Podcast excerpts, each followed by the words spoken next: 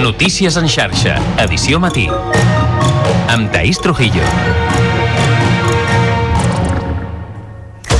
Bon dia. Talls i marxes lentes dels pagesos aquest dimarts a les carreteres arreu del país per denunciar les polítiques agràries.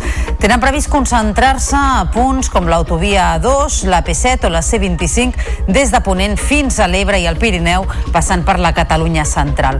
Entre altres qüestions, denuncien els estrells de la sequera, la crisi de preus, la falta de relleu generacional i l'alt volum de burocràcia al qual sovint es veuen abocats. S'afegeixen d'aquesta manera mobilitzacions manifestacions com les que estan fent els darrers dies els pagesos a França. Doncs així encapçalem el Notícies en xarxa d'aquest dimarts 6 de febrer i al punt de les 7 del matí repassem també altres titulars. Estat i Generalitat pacten el repartiment de despesa per dur aigua des de segon aquest estiu en cas d'extrema necessitat per pal·liar els efectes de la sequera. El govern espanyol també ha garantit el finançament de les desalinitzadores de la Tordera i del Foix. Segona sessió avui del judici contra Dani Alves per agressió sexual després que la víctima hagi ratificat els fets en una declaració a porta tancada a l'Audiència de Barcelona. Avui serà el torn d'una vintena de testimonis i l'exjugador blaugrana no testificarà fins demà. S'enfronta a una petició de 12 anys de presó. En marxa la Fira de Montjuïc, la quarta edició de la Barcelona Wine Week. El saló aplega fins demà prop d'un miler de cellers i una setantena de denominacions d'origen de tot Espanya. La participació d'empreses catalanes creix un 10% i els visitants registrats un 40%. En esports, el Barça coneixerà aquest migdia quin serà el seu rival als quarts de final de la Champions femenina de futbol. Les blaugranes són caps de sèrie i poden quedar emparellades amb el Haken suec, el Brand noruec i l'Ajax, tres equips als quals mai s'han enfrontat en competició europea. Inauguren oficialment el centre Martorell d'Exposicions del Parc de la Ciutadella. És el segon equipament que s'obre al públic en el marc de la Ciutadella del Coneixement després de l'hivernacle. Acollirà mostres relacionades amb la biodiversitat i el medi ambient. Repassats els titulars, ara obrim àrea de serveis. En primer lloc volem saber com se circula a aquesta hora, a les 7 del matí per la xarxa viària. Per tant, connectem amb el RAC i amb l'Àlex Huguet. Molt bon dia. Molt bon dia. Per ara es noten poc els talls de les protestes previstes per aquest matí. Destaquem, però, una marxa lenta a la 26 entre Sant Joan les Fonts i Olot en sentit Girona, per ara durant 4 quilòmetres. A banda, sí que el matí que comença amb incidències en altres vies eh, que compliquen la circulació. Una avaria a l'AP7 entre el Papiol i Sant Cugat en sentit Girona, talla un carril i acumula algunes retencions. També un accident a la C25 fa tallar part de la via a Muntanyola, també en sentit Girona, i finalment es talla la calçada a la carretera comarcal de Sant Hilari Sacalm per un altre accident aquesta nit i ara mateix hi ha desviaments senyalitzats a la resta de vies, parades, retencions habituals, més carregada avui la C58 des de Montcada cap al Nus de la Trinitat i les rondes, com sempre, en sentit Llobregat amb trams de més de 3 quilòmetres que van augmentant a poc a poc. És tot des del RAC. Bon dia. I ara tanquem portada amb la previsió del temps de cara a aquest dimarts. Lluís Miquel Pérez, molt bon dia. Bon dia, petitíssims canvis de temps tindrem aquest dimarts. De fet, s'aniran concretant aquest mateix matí, en forma de molts més núvols a gran part de Catalunya, independentment la boira que no se'n va de les comarques del Pla de Lleida, per tant, allà un ambient molt més humit i força més fresquet, i també alguns núvols més baixos que s'aniran passejant entre la costa del Maresme, la de la Selva i el Baix Empordà. Aquesta tarda encara continuaran aquests núvols, estones força abundants, sobretot a les comarques de Tarragona i de Lleida, però sense pluja, per molt amenaçadors que es vegin. I tot plegat amb una temperatura que aquesta tarda baixarà una mica respecte ahir, bàsicament perquè hi haurà menys insolació, però de fred intens tampoc és que n'hagi de fer. Ho seguirem a la xarxa. Notícies en xarxa, edició matí. Diferents organitzacions i sindicats de pagesos han convocat avui protestes i talls de carreteres amb marxes lentes a diferents punts del país per denunciar les polítiques agràries que afecten el sector. Seguint les accions que ja afecten països com França, els agricultors volen posar en relleu problemes com la crisi de preus, els estralls per la sequera o l'accés de tràmits burocràtics a què es veuen abocats eh, sovint. El situem ara a dos punts del territori. A les Terres de l'Ebre les mobilitzacions s'han convocat a l'Aldea i a Mora d'Ebre, des d'on sortiran dues marxes simultànies, mentre que la pagesia del Penedès té previst tallar la rotonda entre la Nacional 340 i la C15 i la sortida nord de l'AP7 Vilafranca. No es descarten que marxin també fins a Barcelona. Us ho ampliem en les següents cròniques de Canal 21 Ebre i Penedès TV. Les mobilitzacions del sector primari arriben a les Terres de l'Ebre. Este dimarts, Unió de Pagesos ha convocat dos marxes simultànies a partir de les 11 del matí a l'Aldea i Mora d'Ebre. Amb aquesta acció, el sindicat vol reclamar a les administracions solucions urgents davant la situació que viu la pagesia i en protesta per les polítiques agràries. En un primer moment, la convocatòria estava abanderada per la plataforma 6F amb l'objectiu d'aglutinar a tots els sindicats, però finalment serà Unió de Pagesos qui liderarà aquestes protestes. Des de Saja lamenten que l'acció no siga unitària, però ha reclamat a tot el sector que surt al carrer més enllà de les banderes. Que vagi a la manifestació que, ha, que ha convocat la Unió de Pagesos, que ho faiguen com vulguen, que estiguen allí, si alguna vol sentir-se identificat en la Unió de Pagesos que es desmarque en els seus propis cartells, en el lloc com siga i que es fiquen en nom de la plataforma, se fiquen en nom de, individual, que es faci com vulgui, però la gent té que sortir al carrer. Esta concentració se suma a les protestes ja engegades en països com França. En concret, alça la veu per l'impacte de la sequera que ha provocat la caiguda de la producció, la baixada dels preus en l'origen i la competència deslleial. Moltes de les reivindicacions són similars. L'encariment dels productes necessaris per fer funcionar les explotacions, el baix preu de venda o les necessitats d'inversió de les decisions comunitàries fan difícil la supervivència del sector. Però a Catalunya s'hi afegeix de manera molt crítica la manca d'aigua amb una sequera acumulada de 3 anys seguits. El coordinador d'Unió de Pagesos a l'àrea metropolitana, Josep Esteve, parla d'una situació catastròfica al Penedès, comparable amb la plaga de la filoxera. Si plou, eh, aquest any de collita poca, sí, eh, recuperarem les vinyes, però si no plou, que fa un any com el 23, la cosa serà una, una desgràcia, serà una catàstrofe. Jo ja comparo, nosaltres eh, hem parlat ja és com la filoxera, vull dir, la filoxera tothom sap que es van haver d'arrencar totes les vinyes que no deixa de ser una, una gran catàstrofe. A banda de la sequera, les organitzacions agràries també surten al carrer per demanar al Ministeri una moratòria indefinida per al quadern digital i acabar amb la càrrega burocràtica per a la pagesia. I són molts els transportistes que aquests dies paguen les conseqüències de les protestes a França. Han arribat a estar mitja jornada esperats com a conseqüència del tall a la frontera amb les pèrdues que això els comporta. Repassem el cas d'una empresa de la Garrotxa en aquesta crònica de Gerard Puigdemont des d'Olot TV. Els talls a les carreteres a una part d'Europa per les protestes que des de fa dies estan fent els pagesos estan afectant també els transportistes de la Garrotxa. A Transports Minguet envien cada setmana 40 camions a França i aquests dies els conductors han tardat més de l'habitual a arribar-hi i fins i tot han arribat a perdre mitja jornades per poder portar les mercaderies a lloc. Nosaltres ens ha afectat moltíssim. La meitat del transport que fem és eh, cap a França, anem i tornem de França i tot i els avisos que hi ha hagut durant la setmana eh, ens ha afectat, ens ha afectat d'una manera molt clara. Diferents dies hi ha hagut diferents situacions de bloqueig ja a partir de la Junquera, amb punts crítics de les autopistes, ens han dirigit cap a carreteres nacionals, perdent molt de temps, amb moltes hores perdudes. Aquesta empresa de la comarca fa transports principalment a França i al nord de la península Ibèrica i una de les vies que més utilitzen és l'AP7. D'aquesta via en critiquen la saturació de vehicles que pateix des de fa temps i el mal estat en general de la carretera. El govern català i el govern espanyol acorden portar aigua en vaixell des de la desalinitzadora de Sagunt aquest estiu, en cas d'extrema necessitat.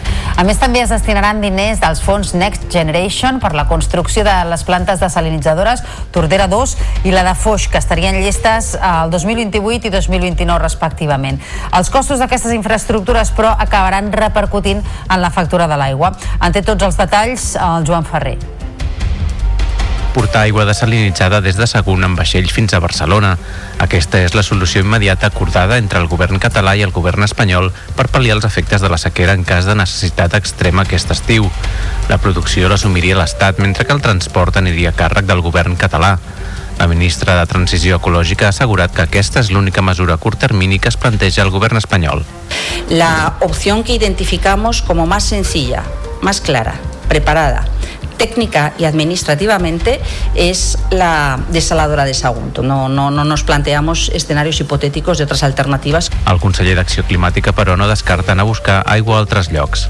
En hipotètic cas de que el necessitem, no sé si anirem només a Sagunt o haurem d'anar també a altres llocs. A mitjà termini, però, el conseller descarta cap transbassament de l'Ebre. No cal portar aigua amb un transbassament de l'Ebre per garantir l'abastiment a mig termini de la regió metropolitana de Barcelona. Els dos governs també han acordat la licitació de les desalinitzadores Tordera 2 i el Foix a través d'Aquamet, unes infraestructures que estarien llestes el 2028 i 2029 respectivament. Socialistes i comuns aproven el transport d'aigua en vaixell des de segon de manera puntual i excepcional. També coincideixen en criticar la gestió prèvia de l'entrada en emergència per sequera per part del govern, però discrepen en les restriccions. Catalunya en Comú apunta als turistes dels hotels, mentre que el PSC limitaria el consum en funció de la petjada hídrica de cada empresa i sector. S'ha de restringir el, els litres que pot fer servir eh, el sector turisme, especialment en l'àmbit hoteler, per exemple, adequant-lo a les necessitats que tenim del país. No? La petjada hídrica de diferents establiments turístics pot ser molt diferent. Llavors ens sembla millor ajustar les restriccions eh, a l'esforç que ha fet l'empresa i a la sensibilitat del producte que fan a través d'aquest mecanisme que no confrontar usos entre sectors o aplicar disminucions lineals com és el cas. I la situació de sequera ha estat molt present a l'inici de la nova edició de la Barcelona Wine Week. Aquest dilluns l'ha inaugurat el ministre d'Agricultura, Lluís Planes, i la gran trobada del sector del vi es farà fins dimecres a la Fira de Montjuïc. Ens ho explica el David Navarro. El ministre d'Agricultura ha explicat que el camp ja pren mesures per fer front a la sequera com els regadius eficients, les llavors modificades genèticament per necessitar menys aigua o el canvi a cultius més adaptats als efectes del canvi climàtic. Luis Planas ha dit que la Generalitat pot comptar amb el suport de l'executiu central. Des del govern d'Espanya estem disposats a col·laborar i apoyar a les comunitats autònomes i particularment a la Generalitat de Catalunya en, tot aquell, en totes les solucions que puguen efectivament resultar positives en aquest camp, en aquest cas per al camp, eh, per al camp català i particularment per als eh, pagesos i també per als ramaders. Planes ha inaugurat la Barcelona Wine Week, que enguany arriba a la seva quarta edició. Fins dimecres, 952 cellers de 73 denominacions d'origen exposaran els seus productes a més de 20.000 visitants professionals. A banda, la trobada compta amb més de 160 experts que participaran en ponències i tastos de vi.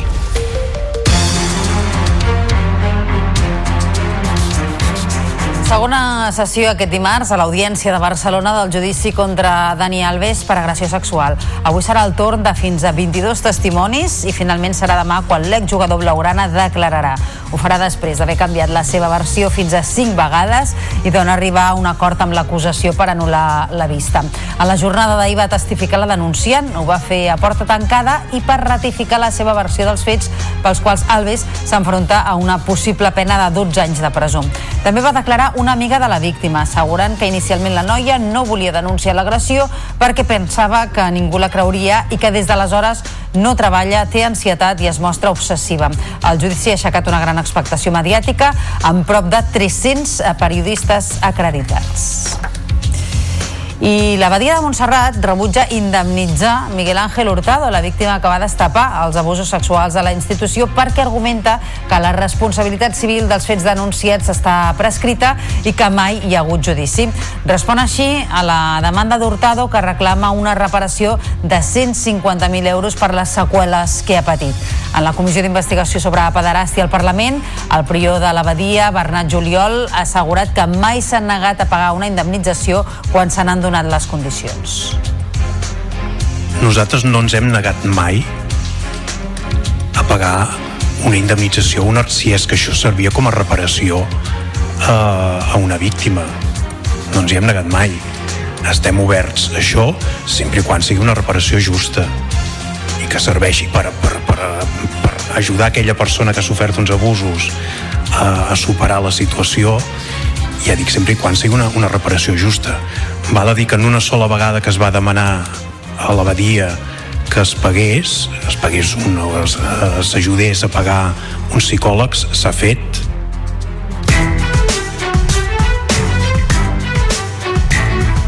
Camí ara d'un quart de vuit del matí, falta un minut. El Consell General del Poder Judicial va aprovar ahir per unanimitat en un ple extraordinari una declaració en què rebutja les acusacions de l'OFER que alguns diputats al Congrés van fer durant el debat de la llei d'amnistia de dimarts passat.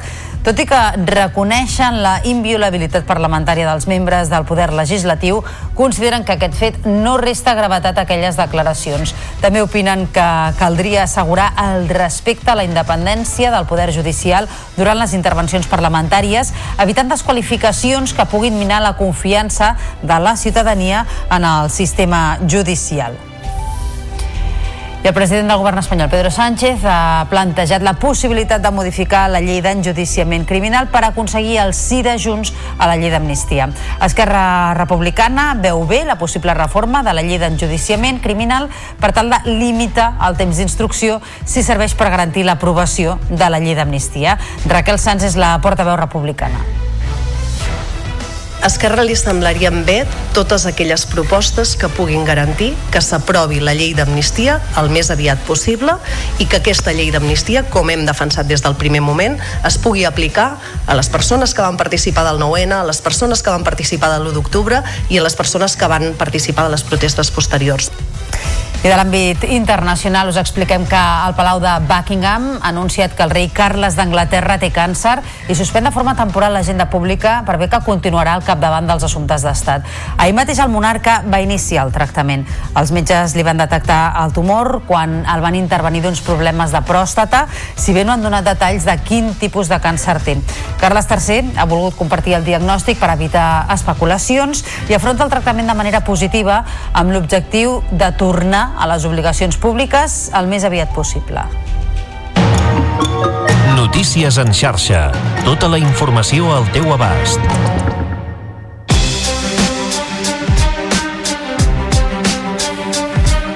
Dos mesos i mig després de prendre possessió com a ministre d'Indústria i Turisme, Jordi Hereu ha atès la petició de la SECOT de visitar la patronal. Les dues parts han coincidit en fomentar la indústria i en implicar altres ministeris en aquesta tasca. Hereu s'ha compromès a fer arribar a les petites i mitjanes empreses totes les línies d'ajudes possible. És una crònica de Canal Terrassa. Areu s'ha compromès a fer arribar també a les petites i mitjanes empreses línies d'ajudes per al foment de la indústria. Transmetre-li doncs, el fet de la importància de la connexió que hi ha entre un ministeri tan important com és el d'Indústria amb altres ministeris que d'alguna manera han de donar servei a un ministeri d'indústria, no? un ministeri de transició eh, de transició energètica o dels ministeris de, que fa referent a transports, infraestructures. Necessitem que també el món de la petita i mitjana empresa es pugui veure arrossegat per aquesta línia de, de foment de la indústria. I és una de les preocupacions, eh? perquè és de les coses que a vegades s'ha dit. El PERTE és difícil que la PIME hi arribi. Doncs crec que hi hem de fer-hi arribar a la PIME i a més a més hi ha altres instruments on jo crec que és fonamental. Sobre la sequera, el ministre ha reconegut que s'haurien d'haver tingut a punt estratègies hídriques i fa una crida a la col·laboració entre administracions per solucionar el problema i minimitzar l'impacte en sectors com el comerç i el turisme. La comarca del Baix Ebre treballa per adequar l'oferta formativa de la formació professional a les necessitats empresarials de la zona. L'hostaleria, la indústria manufacturera, el sector agrari, el comerç i la construcció necessiten una cinquantena de perfils professionals que ara mateix no tenen. Ho conclou un estudi del Consell Comarcal a la presentació del qual hi ha assistit a Tortosa el conseller d'Empresa Roger Torrent. Ens ho expliquen els companys de Canal T. A través d'un estudi del Consell Comarcal del Baix Ebre s'han estudiat 145 empreses i s'han identificat els 5 sectors amb més potencial econòmic, l'hostaleria, la indústria manufacturera, l'agrari, el comerç i la construcció. La presentació de l'informe està presidida pel conseller d'Empresa i Treball Roger Torrent, qui ha agraït l'estudi per tindre una radiografia quirúrgica per poder actualitzar les ofertes formatives. És important que tinguem aquesta foto ben feta per generar els perfils professionals necessaris que moltes de les empreses amb les que ens trobem dia a dia ens reclamen. Però és important que això sigui constant. Eh? Jo crec que aquesta és una primera, primera pedra. Finalment hem aconseguit que efectivament aquesta sigui la legislatura de la formació professional, que aquesta sigui una prioritat absoluta per totes les administracions, començant pel govern de la Generalitat de Catalunya, però això ha d'anar més. De l'informe també se'n desprèn que gairebé un 95% dels perfils professionals necessaris a la comarca estan coberts amb estudis, tot i que el repte serà actualitzar-los i adaptar-los a cada sector. L'incendi que va patir diumenge al vespre l'escorxador de Tortosa ha inutilitzat totalment les instal·lacions, un fet que obligarà a traslladar temporalment l'activitat de sacrifici a altres instal·lacions de la zona. Ahir a la tarda es va reunir la Junta del Consell d'Administració de l'escorxador i durant aquesta setmana es convocarà l'Assemblea d'Usuaris per informar-los de la situació i de les opcions de trasllat. Així ho explicava l'alcalde de Tortosa, Jordi Jordan, durant una visita a l'edifici sinistrat. El foc ha afectat a un 100% a la sala de producció, a les càmeres frigorífiques, al sostre i també que hi ha diverses deformacions en quant a l'estructura. L'activitat s'haurà de traslladar a altres escorxadors de la zona que a hores d'ara estem estudiant.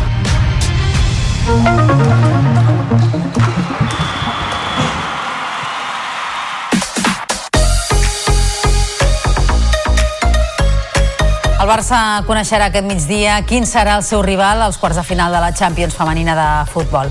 El sorteig començarà a la una a Nió. Les blaugranes són caps de sèrie i poden quedar emparellades amb el Haken suec, el Brand noruec i l'Ajax, tres equips als quals mai s'han enfrontat en competició europea. També quedarà definit l'encreuament de semifinals entre els quatre conjunts que superin els quarts. La propera eliminatòria jugarà amb l'anada el 19 i 20 de març i la tornada el 27 i 28. Les semifinals es disputaran un mes després.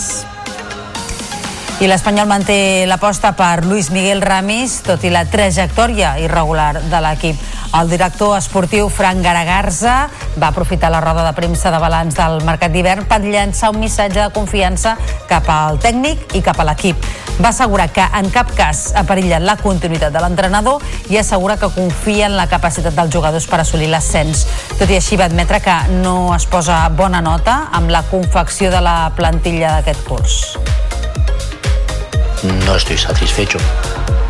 No lo puedo estar, pero no lo estoy satisfecho ni con ellos ni con la plantilla. Entendemos que es una plantilla que, que debe de dar más, que hay más margen de mejora, que confiamos en que la den, porque trabajan bien y mucho y a día de hoy pues no, yo no me pongo una nota buena para nada.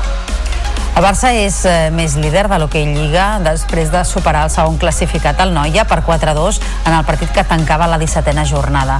Dos gols de Joao Rodríguez, el primer de penal, van avançar els Blaugrana. Ja a la represa, Morales va reduir diferències i va mantenir els de Sant Sadurní dins del partit. En el tram final, Alabart va fer el tercer per al Barça. Morales va tornar a marcar per als de Pere Bàries i Bargalló va sentenciar amb el quart gol. El triomf catapulta els d'Edu Castro, líders amb 16 punts d'avantatge. Ho teníem molt al cap de que havíem de ser molt intensos, molt físics, eh, portar el partit a on el volíem. Crec que això ho hem aconseguit, però amb l'hoquei actual, si un equip eh, té qualitat i es tanca bé i no et concedeix contres perquè jugant amb la pista molt oberta és difícil crear ocasions clares, però tot i així hem, hem aconseguit treure el partit endavant. L'ermita de Sant Miquel de Segur de Calafell acollirà aquesta tarda a partir de dos quarts de cinc el sorteig de la Copa del Rei d'hoquei patins. La competició es disputarà al pavelló Joan Hortoll del 7 al 10 de març i hi participaran l'Alcoi, l'Igualada, el Reus, el Calafell, el Barça, el Noia, el Sant Just i el Voltregà. I Vilafranca del Penedès acollirà la pròxima edició de la Copa de la Reina entre el 18 i el 21 d'abril. Els equips classificats són el Palau, el Telecable, Fraga, Manlleu, Corunya, Voltregà, Mataró i Vilassana. Les del Pla d'Urgell afronten una setmana decisiva amb el duel de Lliga davant les Rozas i el de Champions contra el Fraga. És una informació de Lleida TV. Julen Andrés.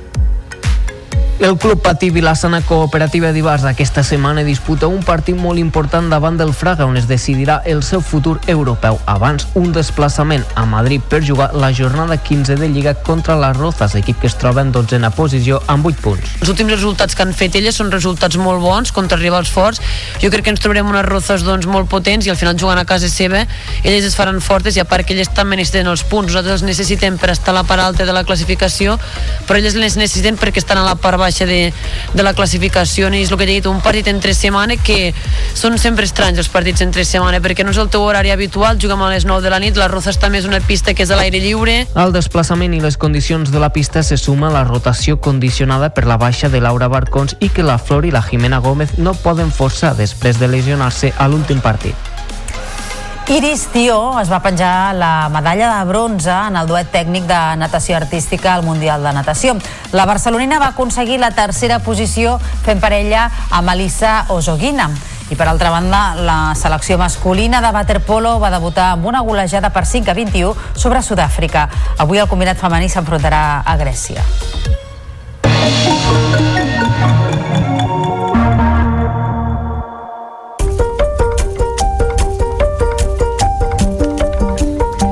Ja es pot visitar el Centre Martorell d'Exposicions situat al Parc de la Ciutadella de Barcelona. És el segon equipament després de l'hivernacle que s'obre al públic en el, marc, en el marc de la Ciutadella del Coneixement. El nou museu acollirà mostres relacionades amb la biodiversitat i el medi ambient. Ara s'hi poden veure dues exposicions temporals. Una és Natura o Cultura, una visió des del Museu de Ciències Naturals, i l'altra és Wow, animals de museu, ciència, tècnica i art. La consellera de Cultura, Natàlia Garriga, ha destacat la importància de reobrir-lo justament ara, en plena sequera.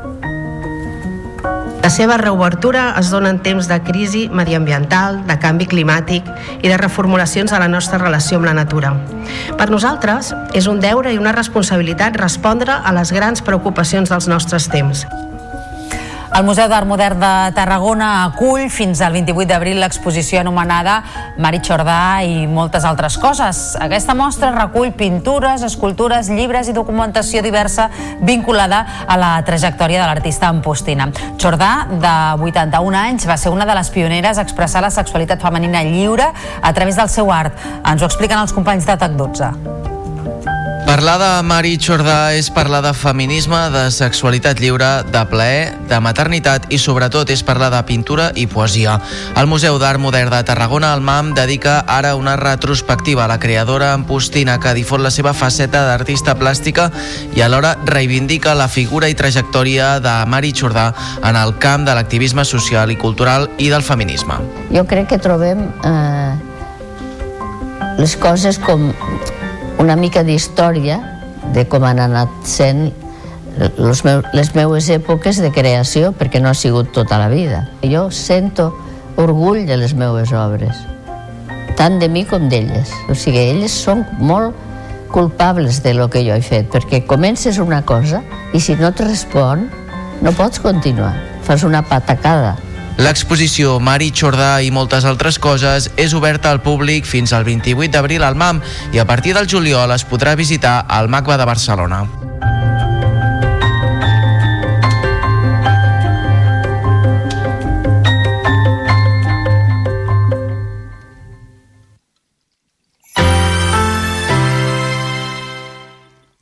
La xarxa de comunicació local.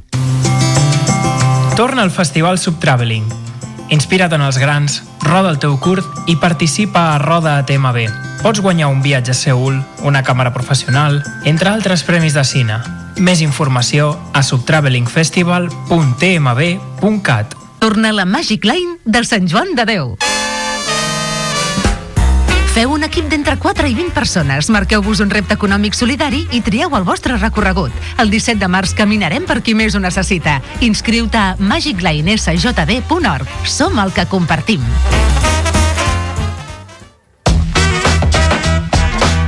El Diccionari Termcat. Paraules noves que ja pots dir.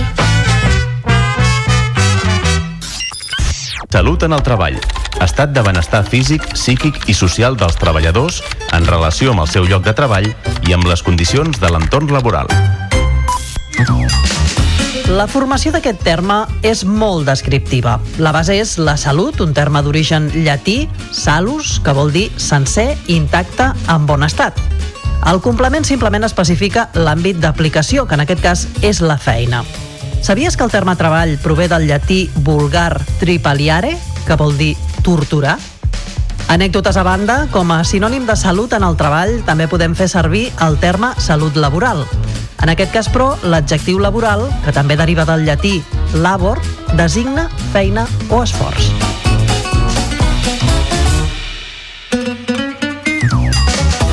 Paraules noves t'agraden, no et pots perdre el podcast Paraules Habitables a la xarxa Més.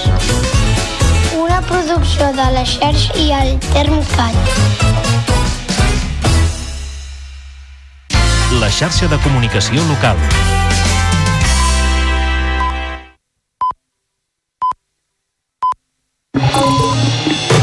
Notícies en xarxa, edició matí. Amb Taís Trujillo. Bon dia, són dos quarts de vuit del matí i avui encapçalem el Notícies en xarxa amb els talls i marxes lentes dels pagesos a les carreteres d'arreu del país per denunciar les polítiques agràries.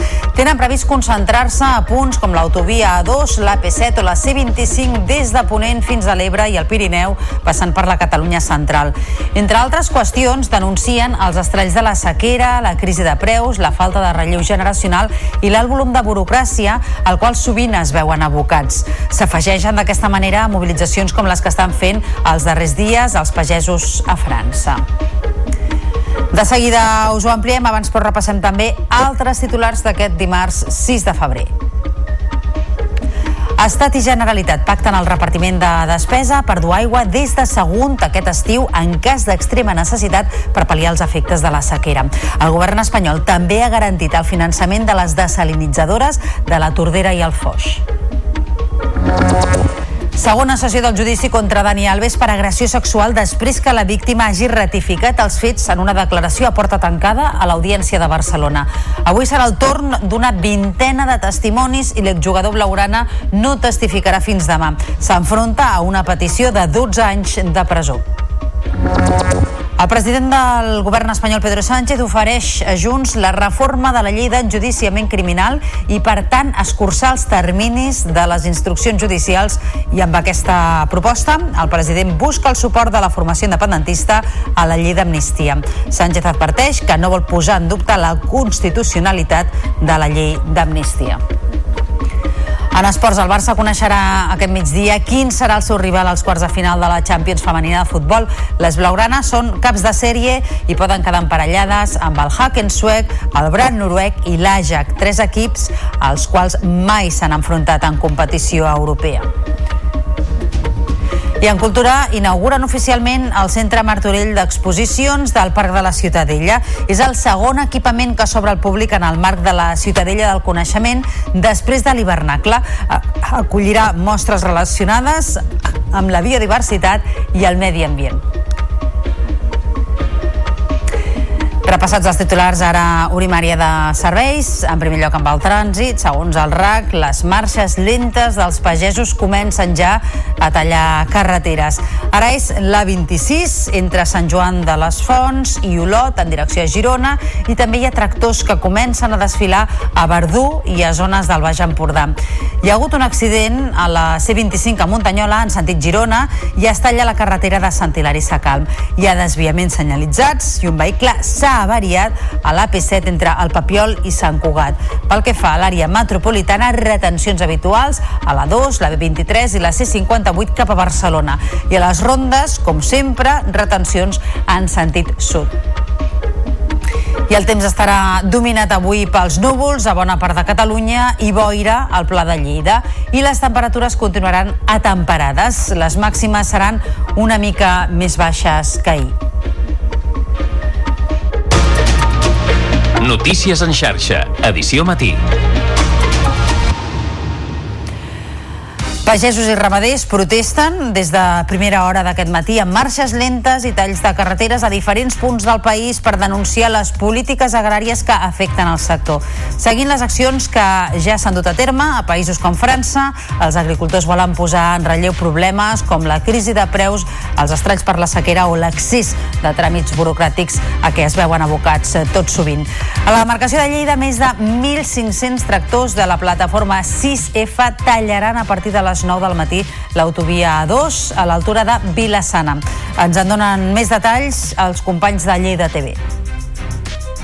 A partir de les 9 del matí fins les 12 de la nit no es podrà circular per l'autovia A2 perquè estarà tallada per més de 1.500 tractors d'arreu del territori lleidatà a l'alçada de Vilassana. Confluir tots amb tractors, amb vehicles, amb el que puguem anar, la, la màxima gent possible i, i fer una tractorada eh, o manifestació dins de, de l'autovia. Els pagesos i ramaders tallaran l'autovia com a acció de protesta i denúncia contra la situació que estan patint, sobretot per les normes que els imposen des d'Europa per poder conrear les terres i la burocràcia que han de fer. El que demanem és la flexibilització de, de la PAC, eh, que, que Europa eh, no ens mani el que hem de fer. Eh, més que nosaltres, ningú sap com hem, com hem de conrear la terra, què hem de, de sembrar o què hem de plantar. I també lo de la burocràcia, eh, vull dir, que no facin tràmits repetitius. Una sola vegada, quan fem la DUN, podríem també fer la declaració mateix a la DUN dels nitrògens. La previsió actual és que el tall duri fins dimecres i si no hi ha resposta de les administracions es podria allargar més. A la Catalunya central, les tracturades surten de la Noia, el Berguedà i el Solsonès per confluir amb tres columnes fins al Bages, on és previst tallar els eixos de Llobregat i transversal. Els companys de Canal Taronja Central, Eli Pagan i Edu Font, segueixen molt de prop aquesta protesta. Edu, molt bon dia. Molt bon dia. Doncs efectivament ens trobem a Castellfollit del Boix, un dels punts més allunyats, de fet a tocar de la comarca de la Noia, per part de la comarca del Bages. Des d'aquí s'estan preparant ja els tractors, per tant són un dels punts que han sortit o que sortiran més d'hora. El punt de trobada és a les 9 del matí en un enllaç de carreteres, o prop de l'enllaç de carreteres de la C16 i de la C25, l'eix transversal amb l'eix diagonal. Estem amb l'Arnau, és un pagès d'aquí, de Castellfollit del Boix. Bon dia, Arnau. Bon dia les reivindicacions les hem sentides, la PAC, el tema de el, tot el producte que ens ve de fora, però realment són moltes. Teniu un, més d'un decàleg, una llista. Sí, hem fet una llista eh, triada per assemblea democràticament per tota la comunitat de la plataforma 6F dels pagesos i han estat elegides els punts més importants que cadascú tingui en comú i d'aquests punts se n'han triat 10 que seran els que es portaran a manifest.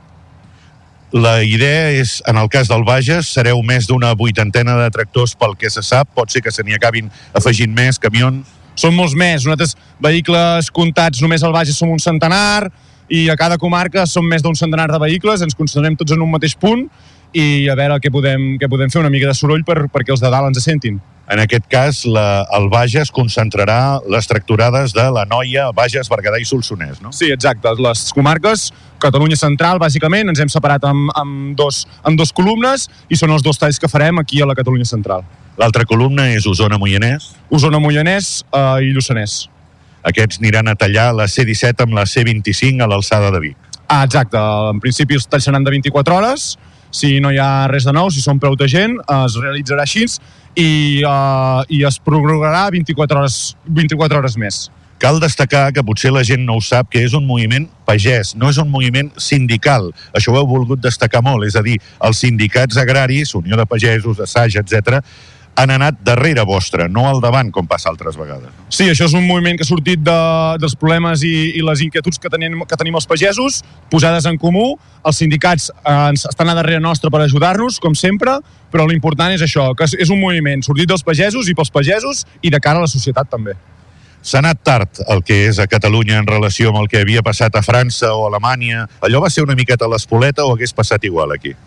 Hagués acabat passant igual. Uh, és la gota que, tot, tot és la gota que fa vessar el got. Uh, França és molt diferent que aquí, uh, Alemanya és molt diferent que aquí, sí que podem prendre exemple. No podem fer les mateixes mobilitzacions que fan ells perquè és totalment diferent, és un altre món, però sí, és la gota que fa vessar el vas i és de la manera que la gent s'anima a, a, a sortir als carrers. La primera idea és avui tallar els eixos viaris importants de Catalunya. Demà les mobilitzacions continuaran, però no està massa clar què és el que es farà demà, no? És el que t'he comentat, hem de fer assemblees, parlar amb les altres comarques, parlar amb les altres províncies, posar-nos tots d'acord i anar a una amb el mateix objectiu i tots amb, un, tots amb una bona organització. Moltes gràcies, Arnau. Gràcies a vosaltres per venir.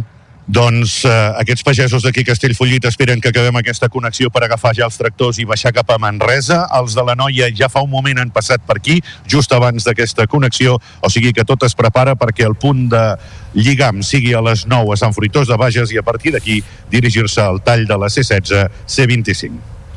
Doncs ho anirem seguint. Edu Font, Eli Pagant, companys de Canal Taronja Noia, gràcies per aquesta... Canal Taronja Central, volem dir. Gràcies per aquesta connexió en directe des de Castellfollit del Boix. Molt bon dia. Fins després. I són molts els transportistes que aquests dies paguen les conseqüències de les protestes a França. Han arribat a estar mitges jornades parats com a conseqüència del tall a la frontera amb les pèrdues que això els comporta. Repassem el cas d'una empresa de la Garrotxa en aquesta crònica de Gerard Puigdemont des d'Olot TV. Els talls a les carreteres a una part d'Europa per les protestes que des de fa dies estan fent els pagesos estan afectant també els transportistes de la Garrotxa.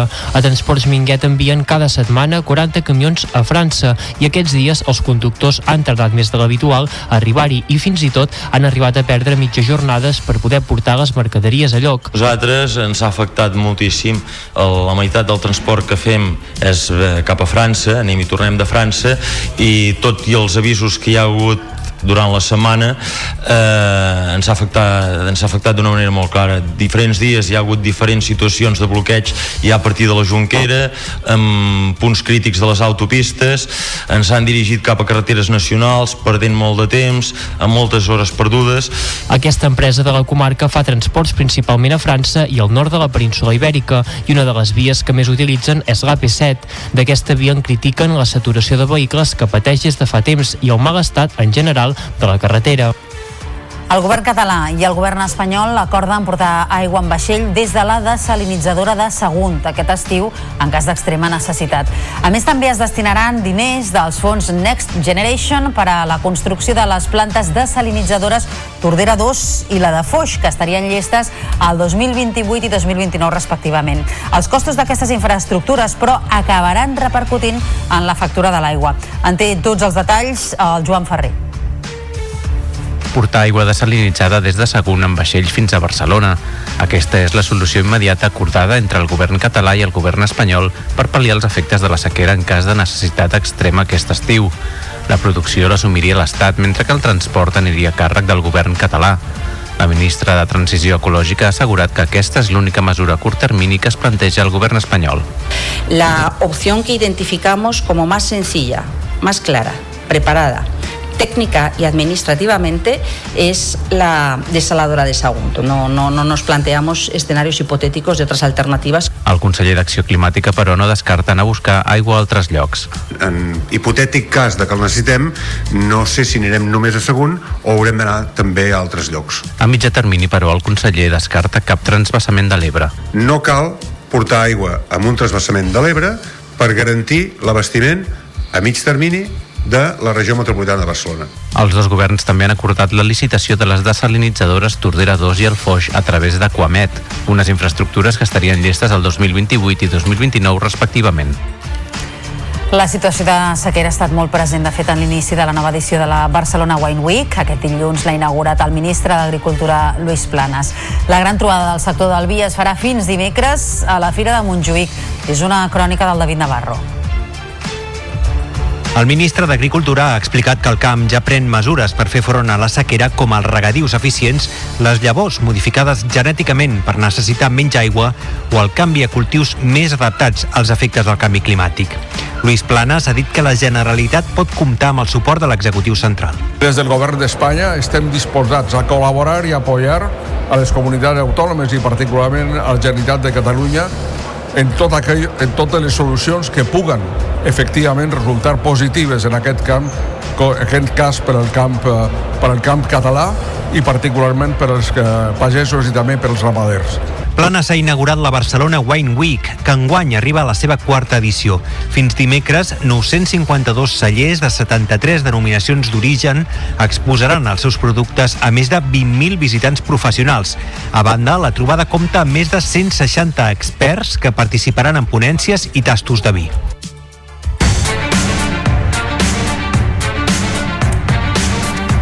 Camí ara de tres quarts de vuit del matí, falten dos minuts. Segona sessió aquest dimarts a l'Audiència de Barcelona del judici contra Dani Alves per agressió sexual. Avui serà el torn de fins a 22 testimonis i serà finalment demà quan l'exjugador blaugrana declararà. Ho farà després d'haver canviat la seva versió fins a cinc vegades i de no arribar a un acord amb l'acusació per anul·lar la vista. En la jornada d'ahir va testificar la denunciant. Ho va fer a porta tancada i per ratificar la seva versió dels fets pels quals Alves s'enfronta a una possible pena de 12 anys de presó. També va declarar una amiga de la víctima, assegurant que inicialment la noia no volia denunciar l'agressió perquè pensava que ningú la creuria i que des d'aleshores no treballa, té ansietat i es mostra obsessiva. El judici ha aixecat una gran expectació mediàtica amb prop de 300 periodistes acreditats. L'abadia de Montserrat rebutja indemnitzar Miguel Ángel Hurtado, que és la víctima que va destapar els abusos sexuals a la institució, perquè argumenta que la responsabilitat civil dels fets denunciats està prescrita i que mai hi ha hagut judici. Respon així a la demanda d'Hurtado que reclama una reparació de 150.000 euros per les seqüeles que ha patit. En la comissió d'investigació sobre la pederàstia al Parlament, el prior de l'abadia, Bernat Juliol, ha assegurat que mai s'han negat a pagar una indemnització quan se n'han donat les condicions. Nosaltres no ens hem negat mai a pagar una indemnització una, si és que això servia com a reparació a, a una víctima. No ens hi hem negat mai. Estem oberts a això sempre i quan sigui una reparació justa i que serveixi per, per, per, per ajudar aquella persona que ha sofert uns abusos a, a superar la situació ja dic sempre i quan sigui una, una reparació justa. Val a dir que en una sola vegada que es va demanar a l'abadia que es pagués, es pagués s'ajudés a pagar uns psicòlegs, s'ha fet.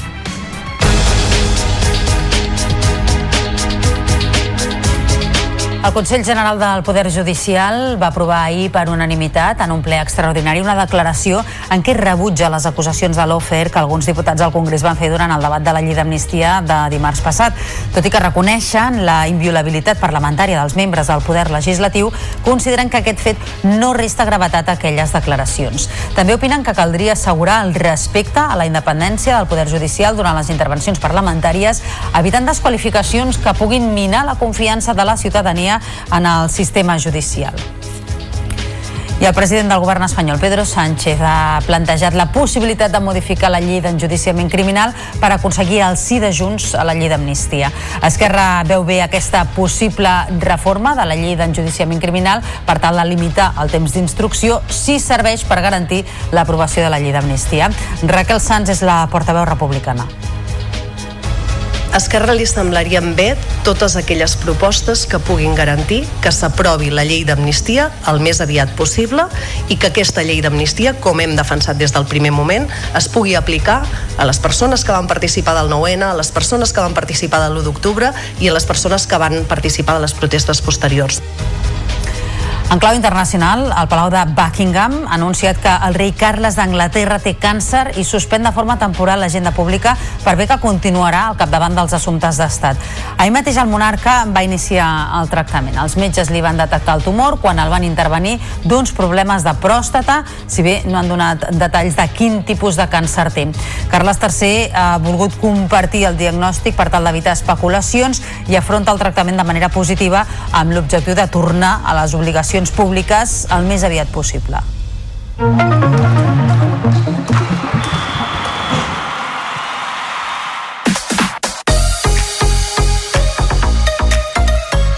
El Barça coneixerà aquest migdia quin serà el seu rival als quarts de final de la Champions femenina de futbol. El sorteig començarà a la una a Nió. Les Blaugrana són caps de sèrie i poden quedar emparellades amb el Haken suec, el Bran noruec i l'Ajax, tres equips dels quals mai s'han enfrontat en competició europea. També quedarà definit l'encreuament de semifinals entre els quatre conjunts que superin els quarts. La propera eliminatòria jugarà amb l'anada el 19 i 20 de març i la tornada el 27 i 28. Les semifinals es disputaran un mes després. I l'Espanyol manté l'aposta per Luis Miguel Ramis, tot i la trajectòria irregular de l'equip. El director esportiu, Fran Garagarza, va aprofitar la roda de premsa de balanç del mercat d'hivern per llançar un missatge de confiança cap al tècnic i cap a l'equip. Va assegurar que en cap cas ha perillat la continuïtat de l'entrenador i assegura que confia en la capacitat dels jugadors per assolir l'ascens. Tot i així va admetre que no es posa bona nota amb la confecció de la plantilla d'aquest curs no estoy satisfecho. No lo puedo estar, pero no lo estoy satisfecho ni con ellos ni con la plantilla. Entendemos que es una plantilla que, que debe de dar más, que hay más margen de mejora, que confiamos en que la den, porque trabajan bien y mucho y a día de hoy pues no yo no me pongo una nota buena para nada.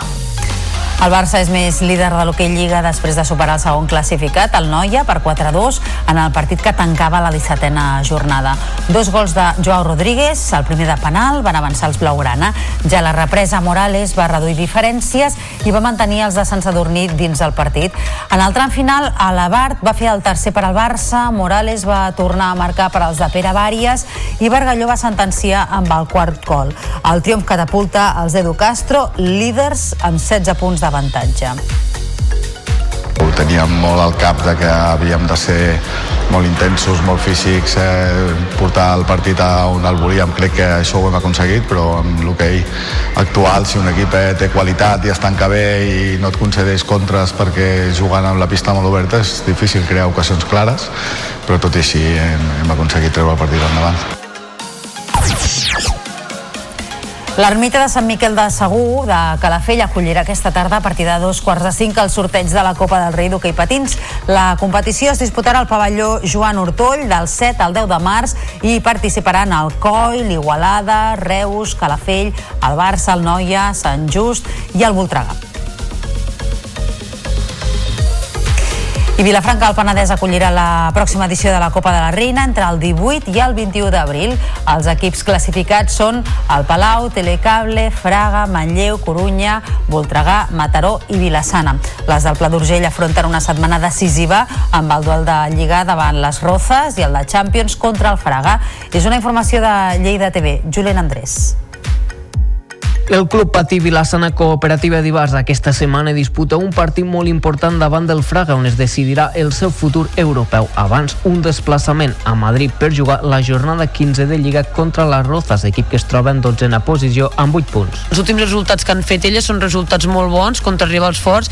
Jo crec que ens trobarem unes Rozas doncs, molt potents i al final jugant a casa seva elles es faran fortes i a part que elles també necessiten els punts. Nosaltres els necessitem per estar a la part alta de la classificació, però elles les necessiten perquè estan a la part baixa de, de la classificació i és el que he dit, un partit entre setmana que són sempre estranys els partits entre setmana perquè no és el teu horari habitual, juguem a les 9 de la nit, la Rozas també és una pista que és a l'aire lliure. Al desplaçament i les condicions de la pista se suma la rotació condicionada per la baixa de Laura Barcons i que la Flor i la Jimena Gómez no poden forçar després de lesionar-se a l'últim partit. Iris Tio es va penjar la medalla de bronze en el duet tècnic de natació artística al Mundial de Natació. La barcelonina va aconseguir la tercera posició fent parella amb Alissa Osoguina. I per altra banda, la selecció masculina de waterpolo va debutar amb una golejada per 5 a 21 sobre Sud-àfrica. Avui el combinat femení s'enfrontarà a Grècia. I més eh, qüestions esportives, el bàsquet Girona ha fitxat el pivot canadenc Ken Birch fins a final de temporada. Birch, de 31 anys i que medeix 2 metres 5 centímetres, té experiència a l'NBA i també a l'Eurolliga. El seu últim equip han estat el Sant Antonio Spurs. A la NBA ha jugat els últims 6 anys. Abans havia passat per les lligues de Turquia i Grècia, on va disputar la final de l'Eurolliga amb l'Olympiakos. Birch també ha estat internacional amb la selecció de Canadà. I també en bàsquet ha estat presentat l'All-Stars de la Supercopa al Casal Dalt de la vila de Sant Adrià del Besòs. Els partits que jugaran dos equips eh, dividits per conferències, est i oest, es disputaran diumenge al pavelló Marina Besòs i es podran seguir per la plataforma de streaming de la xarxa Més.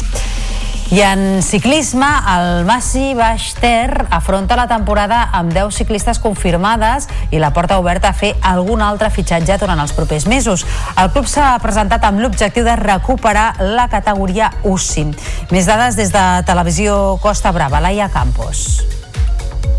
El Massi Baixter Women's Team de Torroella de Montgrí disputarà aquest 2024 la seva onzena temporada en actiu amb un equip renovat de dalt a baix respecte a l'any passat i una plantilla formada per 10 ciclistes amb l'objectiu de competir al màxim nivell per consolidar-se com un dels millors equips d'Espanya, oferir una bona imatge a les curses internacionals i reivindicar-se per tornar el més aviat possible a la categoria UCI. Ens han convidat a, a tota la resta de curses, molt contents per això, ja et dic, un, un objectiu molt, molt clar, que és, que és tornar on pensem que ens mereixem, que és la categoria UCI. I crec que serà un pas per mm, un pas enrere per assentar les bases i al final tornar a ser un equip internacional mm, format per gent catalana i, i nacional. La cambrilenca Ingrid Ruiz és l'única corredora que continua formant part d'un grup que ha fet nou fitxatges i que, a diferència dels últims anys, només compta amb una estrangera i iniciarà la present temporada participant a la Setmana Ciclista Volta Femenina de la Comunitat Valenciana,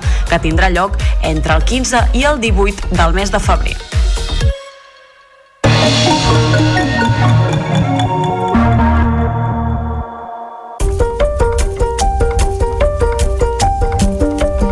Ja es pot visitar el Centre Martorell d'Exposicions situat al Parc de la Ciutadella de Barcelona. És el segon equipament després de l'hivernacle que s'obre al públic en el marc de la Ciutadella del Coneixement.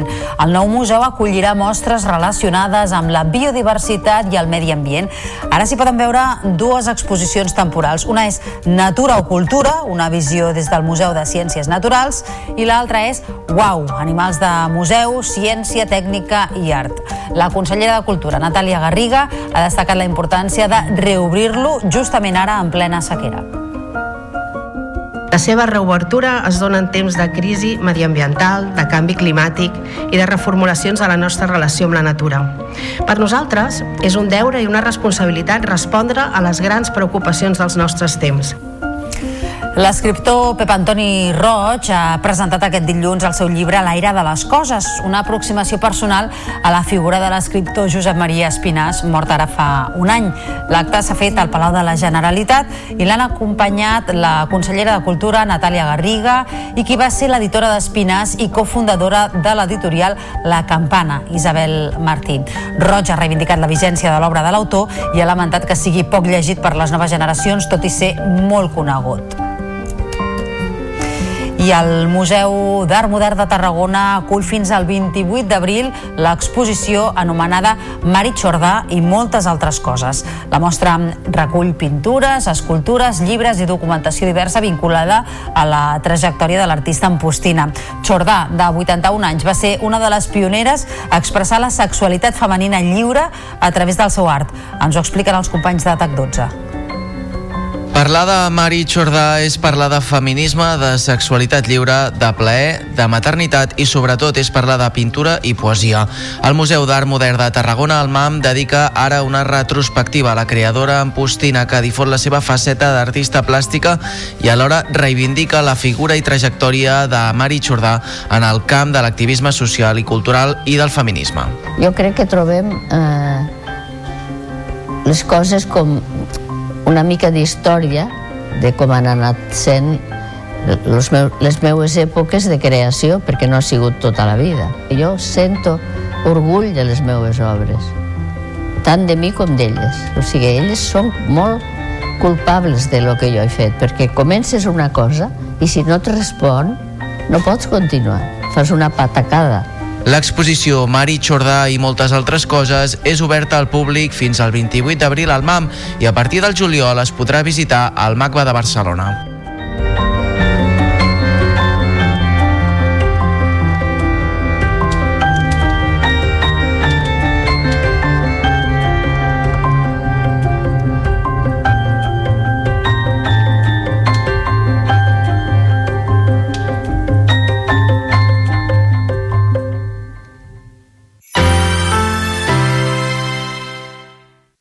La xarxa de comunicació local.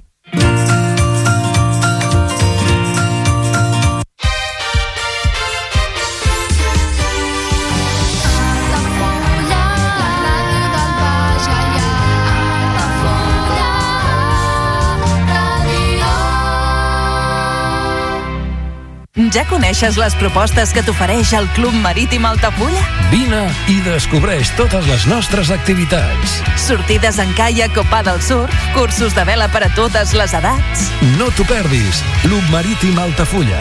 Obert tot l'any i per a tothom. Comunions 2024. Dates ja disponibles amb sales privades, jardí, pàrquing privat i la millor gastronomia. Més informació i reserves al 977 65 11 55 i a comercial arroba altafullamarotel.com o al web altafullamarotel.com. Les teves celebracions familiars a l'Altafulla Mar Hotel.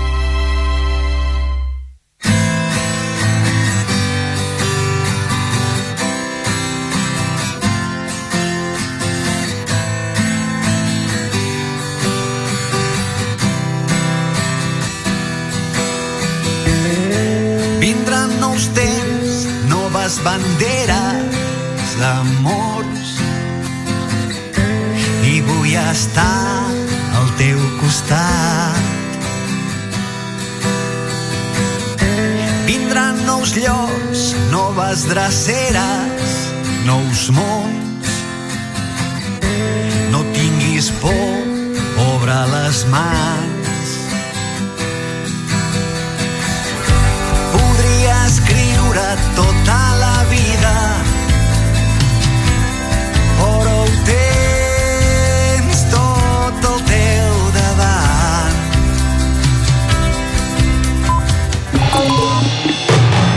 Notícies en xarxa, edició matí. Amb Taís Trujillo. Bon dia, pendents a aquesta hora del matí dels talls i de les marxes lentes dels pagesos aquest dimarts a les carreteres d'arreu del país per denunciar les polítiques agràries. Tenen previst concentrar-se a punts com l'autovia A2, l'AP7 o la C25 des de Ponent fins a l'Ebre i el Pirineu passant per la Catalunya central. Les concentracions ja s'estan produint a diferents punts del territori. Entre altres qüestions denuncien els estralls de la sequera, la crisi de preus, la falta de relleu generacional l'alt volum de burocràcia al qual sovint es veuen abocats. S'afegeixen d'aquesta manera a mobilitzacions com les que estan fent els darrers dies els pagesos a França. Així encapçarem el Notícies en xarxa d'aquest eh, dimarts dia 6 de febrer i de seguida us ho ampliarem perquè connectarem en directe en els propers minuts amb Girona, que és un dels punts de trobada de les mobilitzacions. Abans, i a les eh, 8 del matí, repassem també altres titulars. Estat i Generalitat pacten el repartiment de despesa per dur aigua des de Sagunt aquest estiu en cas d'extrema necessitat per pal·liar els efectes de la sequera. El govern espanyol també ha garantit el finançament de les desalinitzadores de la Tordera i del Foix.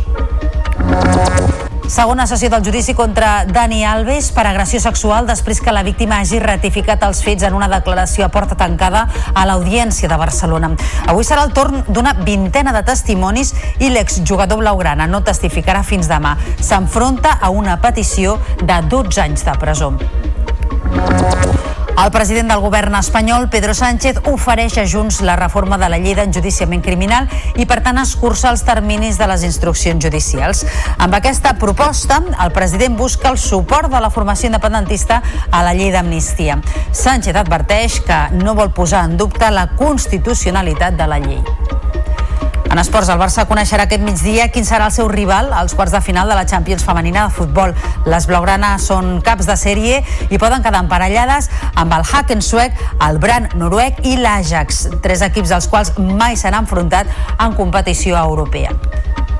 I en Cultura inauguren oficialment el Centre Martorell d'Exposicions del Parc de la Ciutadella de Barcelona. És el segon equipament que s'obre al públic en el marc de la Ciutadella del Coneixement després de l'hivernacle. Acollirà mostres relacionades amb la biodiversitat i el medi ambient.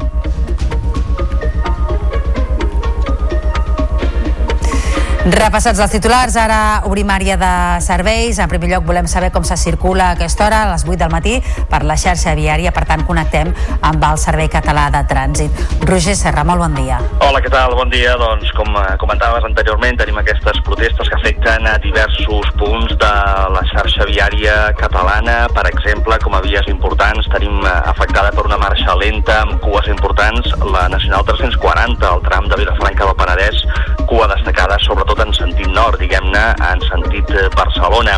També parlem de marxes lentes de diverses carreteres locals, en aquest cas de la xarxa viària lleidatana.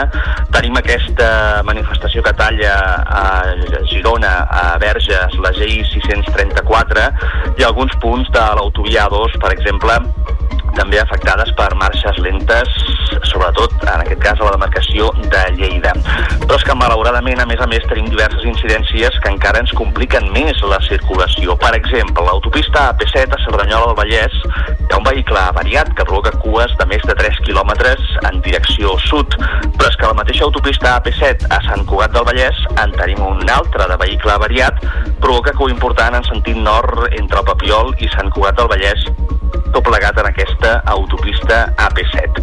A més a més, també parlem de problemes a l'autopista P23 a tocar del Papiol. Hi ha hagut un accident al carril tallat en sentit Martorell, cua de 4 quilòmetres entre Molins de Rei i el Papiol, això a la B23 direcció Martorell. I també parlem d'una autopista important, com és la del Garraf, C32, tallada a causa d'un accident a Sant Pere de Ribes i en sentit nord, o a la ciutat de Barcelona, un altre accident a la Ronda de Dalt, a la zona dels túnels de Vallvidrera en sentit Llobregat cua des del nus de la Trinitat. En fi, que el dia es desperta molt complicat en aquesta xarxa viària catalana. I acabem amb la previsió del temps. Eh, Lluís Miquel Pérez, molt bon dia. Jornada de núvols, eh?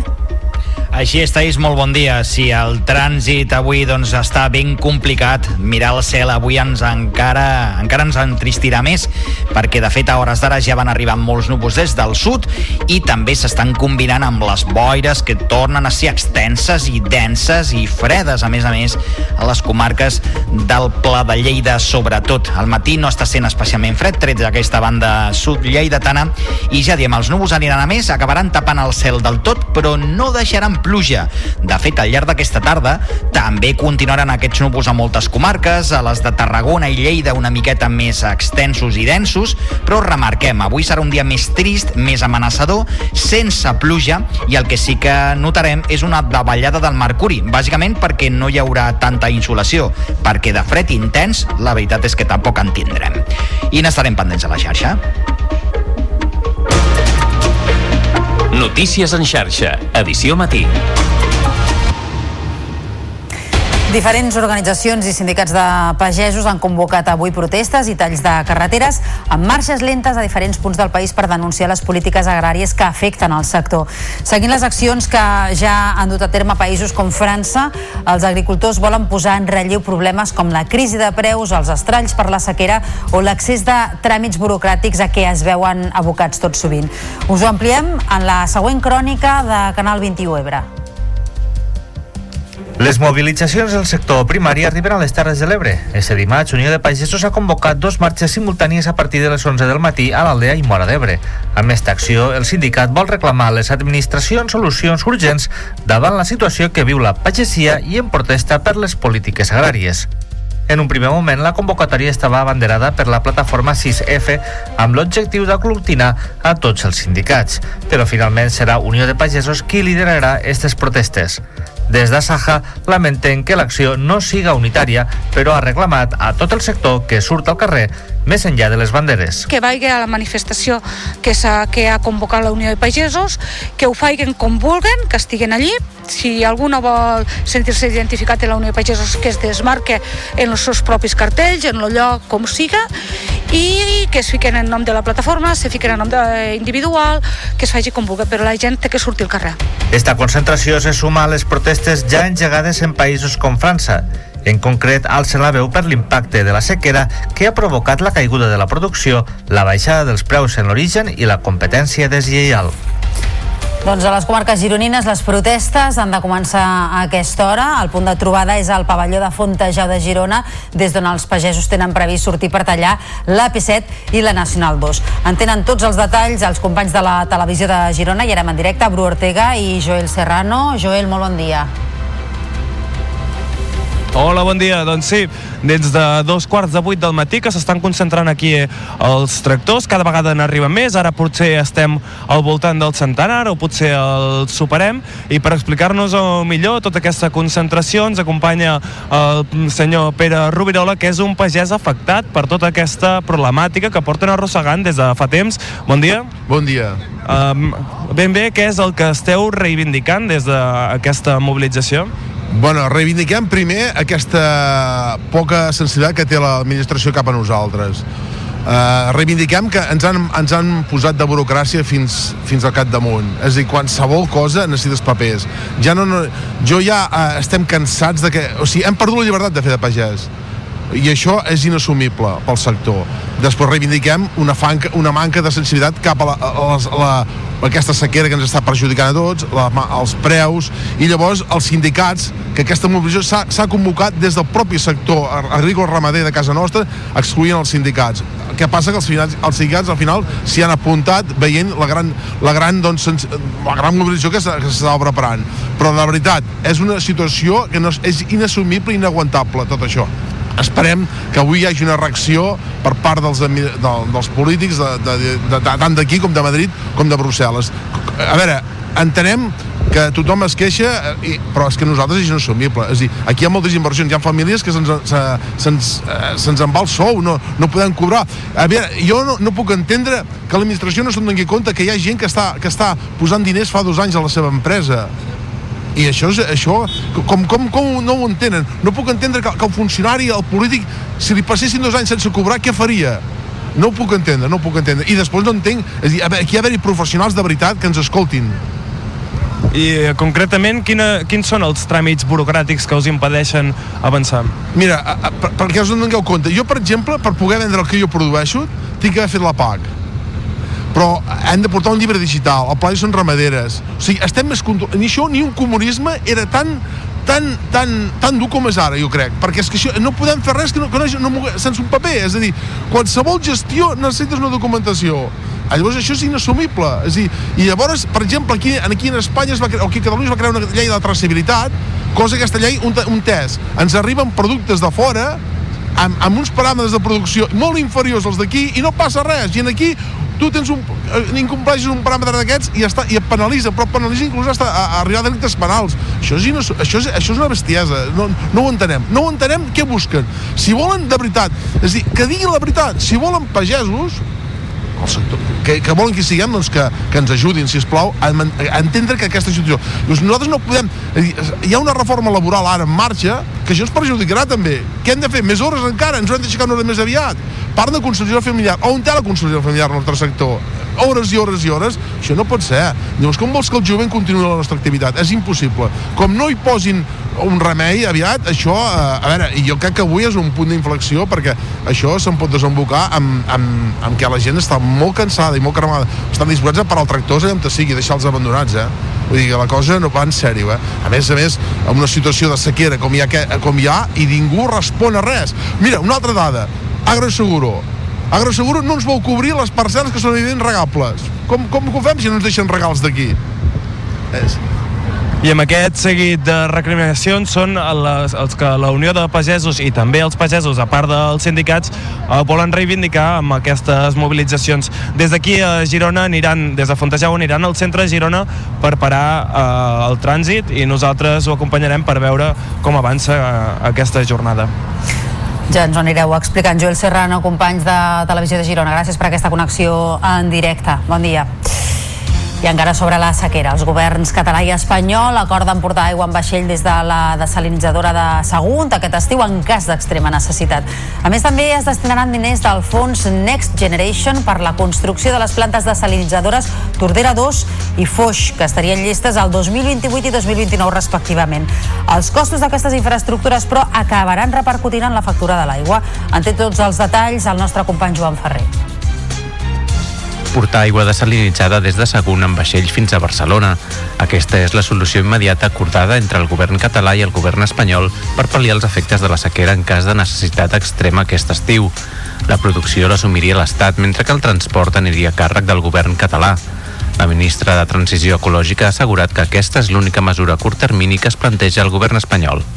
La opción que identificamos como más sencilla, más clara, preparada, técnica y administrativamente es la desaladora de Sagunto. No, no, no nos planteamos escenarios hipotéticos de otras alternativas. El conseller d'Acció Climàtica, però, no descarta anar a buscar aigua a altres llocs.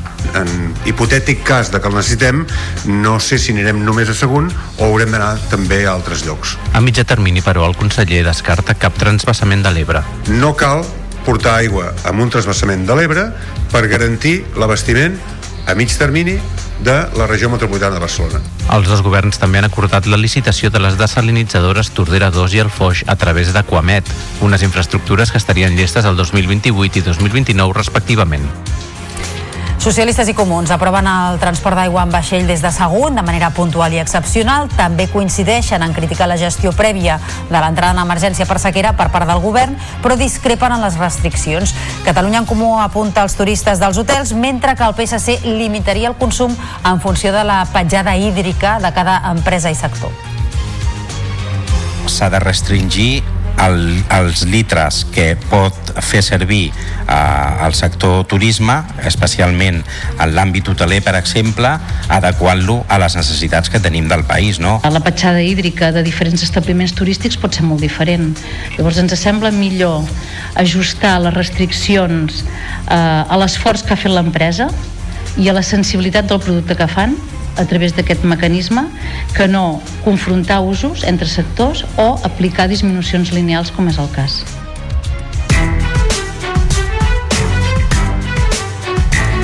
Pràcticament un quart de nou del matí, segona sessió aquest dimarts a l'Audiència de Barcelona del judici contra Dani Alves per agressió sexual.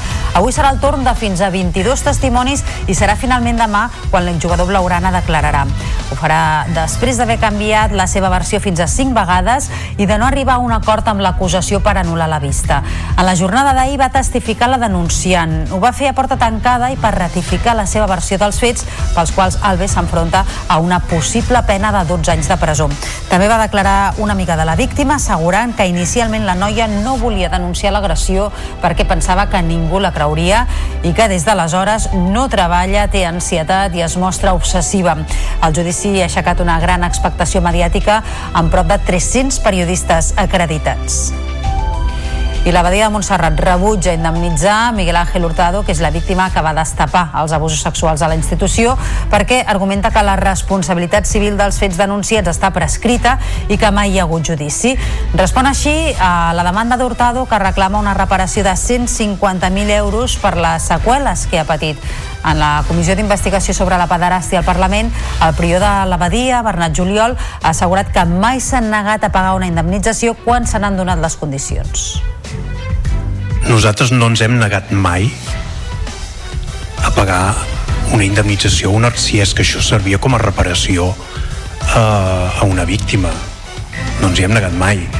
Estem oberts a això sempre i quan sigui una reparació justa i que serveixi per, per, per, per ajudar aquella persona que ha sofert uns abusos a, a superar la situació ja dic sempre i quan sigui una, una reparació justa val a dir que en una sola vegada que es va demanar a l'abadia que es pagués, es pagués un, s'ajudés a pagar uns psicòlegs, s'ha fet.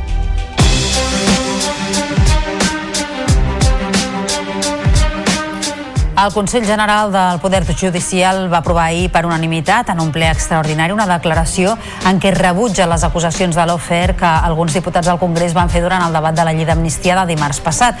Tot i que reconeixen la inviolabilitat parlamentària dels membres del Poder Legislatiu, consideren que aquest fet no resta gravetat a aquelles declaracions. També opinen que caldria assegurar el respecte a la independència del Poder Judicial durant les intervencions parlamentàries, evitant desqualificacions que puguin minar la confiança de la ciutadania ciutadania en el sistema judicial. I el president del govern espanyol, Pedro Sánchez, ha plantejat la possibilitat de modificar la llei d'enjudiciament criminal per aconseguir el sí de Junts a la llei d'amnistia. Esquerra està d'acord en limitar el temps d'instrucció si això serveix per garantir que s'aprovi la normativa que ha d'exculpar els implicats en el procés. Raquel Sanz és la portaveu republicana. Esquerra li semblarien bé totes aquelles propostes que puguin garantir que s'aprovi la llei d'amnistia el més aviat possible i que aquesta llei d'amnistia, com hem defensat des del primer moment, es pugui aplicar a les persones que van participar del 9-N, a les persones que van participar de l'1 d'octubre i a les persones que van participar de les protestes posteriors. I en clau internacional, el Palau de Buckingham ha anunciat que el rei Carles d'Anglaterra té càncer i suspèn de forma temporal l'agenda pública per bé que continuarà al capdavant dels assumptes d'estat. Ahir mateix el monarca va iniciar el tractament. Els metges li van detectar el tumor quan el van intervenir d'uns problemes de pròstata, si bé no han donat detalls de quin tipus de càncer té. Carles III ha volut compartir el diagnòstic per evitar especulacions i afronta el tractament de manera positiva amb l'objectiu de tornar a les obligacions públiques el més aviat possible. Notícies en xarxa. Tota la informació al teu abast.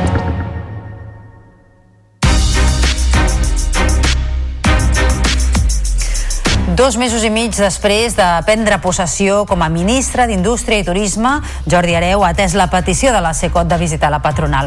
Les dues parts han coincidit en fomentar la indústria i implicar altres ministeris en aquesta tasca. Areu s'ha compromès a fer arribar a les petites i mitjanes empreses totes les línies d'ajudes possibles. És una crònica de Canal Terrassa. Areu s'ha compromès a fer arribar també a les petites i mitjanes empreses línies d'ajudes per al foment de la indústria. Transmetre-li doncs, el fet de la importància de la connexió que hi ha entre un ministeri tan important com és el d'Indústria amb altres ministeris que d'alguna manera han de donar servei a un ministeri d'Indústria, no? un ministeri de transició eh, energètica o els ministeris de, que fa referent a transports, infraestructures necessitem que també el món de la petita i mitjana empresa es pugui veure arrossegat per aquesta línia de, de foment de la indústria. I és una de les preocupacions, eh? perquè és de les coses que a vegades s'ha dit. El PERTE és difícil que la PIME hi arribi. Doncs crec que hi hem de fer-hi arribar a la PIME i a més a més hi ha altres instruments on jo crec que és fonamental.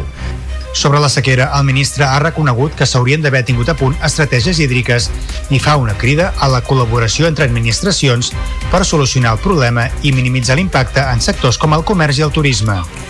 No hi haurà trobada entre Tarragona i Altafulla per parlar dels límits territorials entre les dues poblacions. La negativa de la capital tarragonina arriba després que Altafulla anunciés que vol ampliar el seu terme municipal fins al límit amb el riu Gaià. Uns terrenys que actualment pertanyen a Tarragona i que Altafulla reclama amb l'argument que ja presta serveis a aquesta zona. La petició afecta els espais on s'ubica la benzinera d'Altafulla, el bufet o l'estació de trens.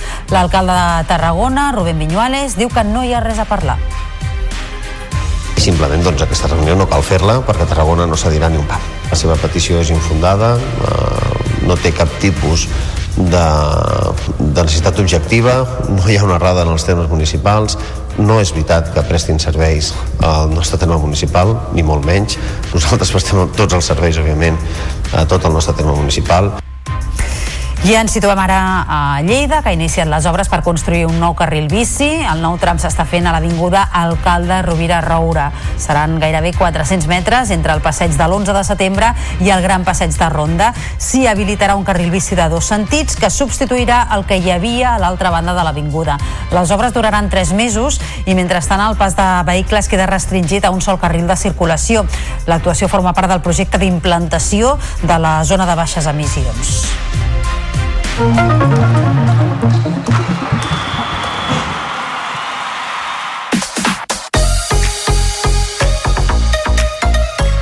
Barça coneixerà aquest migdia quin serà el seu rival als quarts de final de la Champions femenina de futbol. El sorteig començarà a la una a Nió. Les blaugranes són caps de sèrie i poden quedar emparellades amb el Haken suec, el Brand noruec i l'Ajax, tres equips als quals mai s'han enfrontat en competició europea. També quedarà definit l'encreuament de semifinals entre els quatre conjunts que superin els quarts.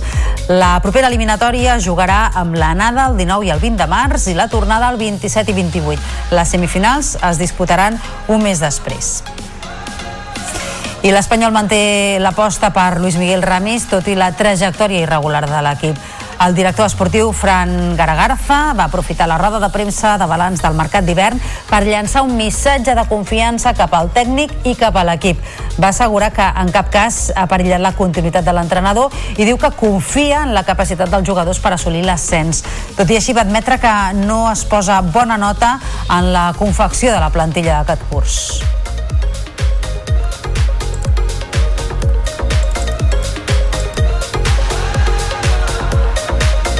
No estoy satisfecho.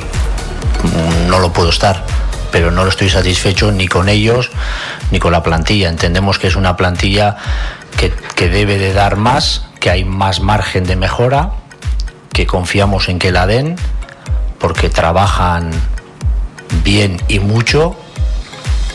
Y a día de hoy, pues no, yo no me pongo una nota buena para nada. El Barça és més líder de l'Hockey Lliga després de superar el segon classificat al Noia per 4-2 en el partit que tancava la 17a jornada. Dos gols de Joao Rodríguez, el primer de penal van avançar els Blaurana, ja a la represa Morales va reduir diferències i va mantenir els de Sant Sadurní dins el partit. En el tram final, Alabar va fer el tercer per al Barça, Morales va tornar a marcar per als de Pere Vàries i Bargalló va sentenciar amb el quart gol. El triomf catapulta els d'Edu Castro, que són líders, amb 16 punts d'avantatge. Ho teníem molt al cap de que havíem de ser molt intensos, molt físics, eh, portar el partit a on el volíem. Crec que això ho hem aconseguit, però amb l'hoquei actual, si un equip eh, té qualitat i es tanca bé i no et concedeix contres perquè jugant amb la pista molt oberta és difícil crear ocasions clares, però tot i així hem, hem aconseguit treure el partit endavant. L'ermita de Sant Miquel de Segur de Calafell acollirà aquesta tarda a partir de dos quarts de cinc el sorteig de la Copa del Rei d'Hockey Patins. La competició es disputarà al pavelló Joan Hortoll del 7 al 10 de març i hi participaran l'Alcoi, l'Igualada, el Reus, el Calafell, el Barça, el Noia, el Sant Just i el Voltregà. Iris Tio es va penjar la medalla de bronze en el duet tècnic de natació artística al Mundial de Natació. La barcelonina va aconseguir la tercera posició fent parella amb Melissa Ozogina. I per altra banda, la selecció masculina waterpolo va debutar amb una golejada per 5 a 21 sobre Sud-àfrica. Avui el combinat femení s'enfrontarà a Grècia. I parlem ara del bàsquet Girona, que ha fitxat el pivot canadenc Ken Birch fins a final de temporada. Birch, de 31 anys i que medeix 2 metres 5, té experiència a l'NBA i també a l'Eurolliga. El seu últim equip ha estat el San Antonio Spurs a l'NBA i ha jugat els últims 6 anys. Abans havia passat per les lligues de Turquia i Grècia, on va disputar la final de l'Eurolliga amb l'Olympiakos. Birch també ha estat internacional amb la selecció de Canadà.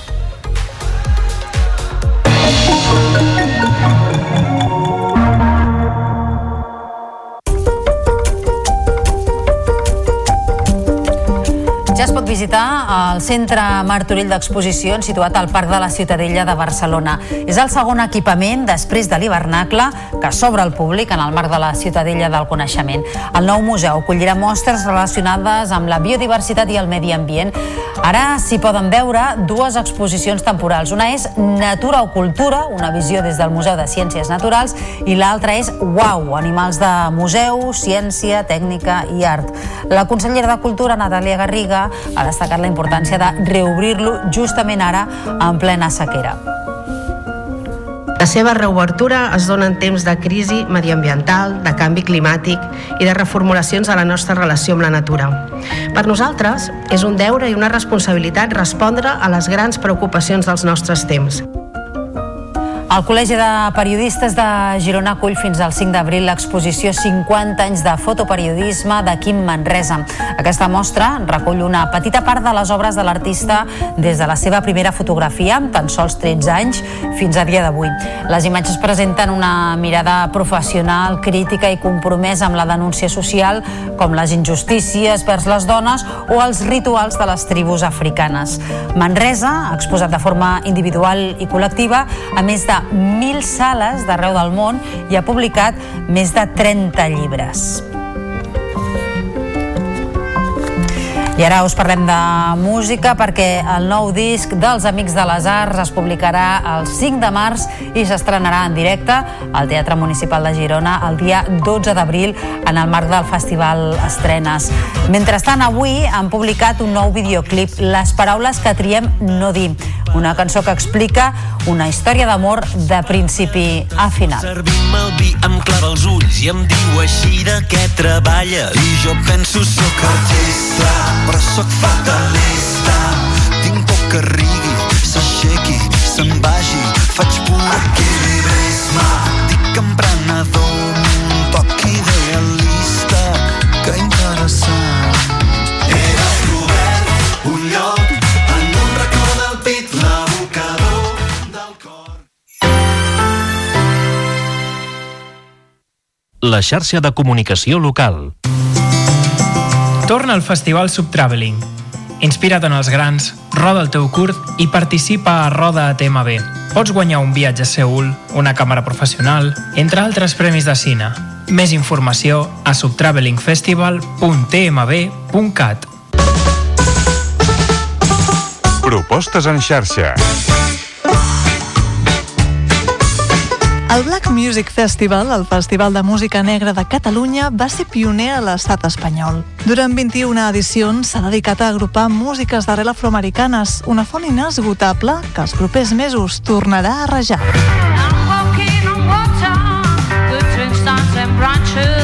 Artistes locals, nacionals i internacionals. El Black Music Festival, tots ells hi tenen cabuda.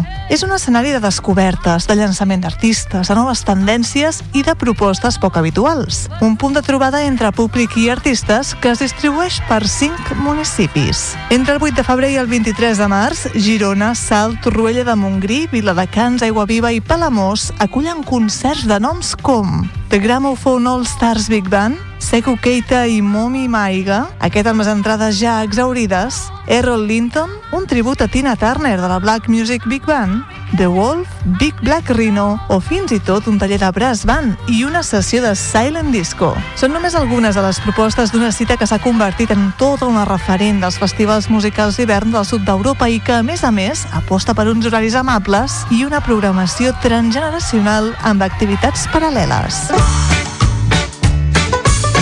Del 8 de febrer al 23 de març torna el Black Music Festival, el festival de música negra de Catalunya. En trobareu totes les cites al web blackmusicfestival.com.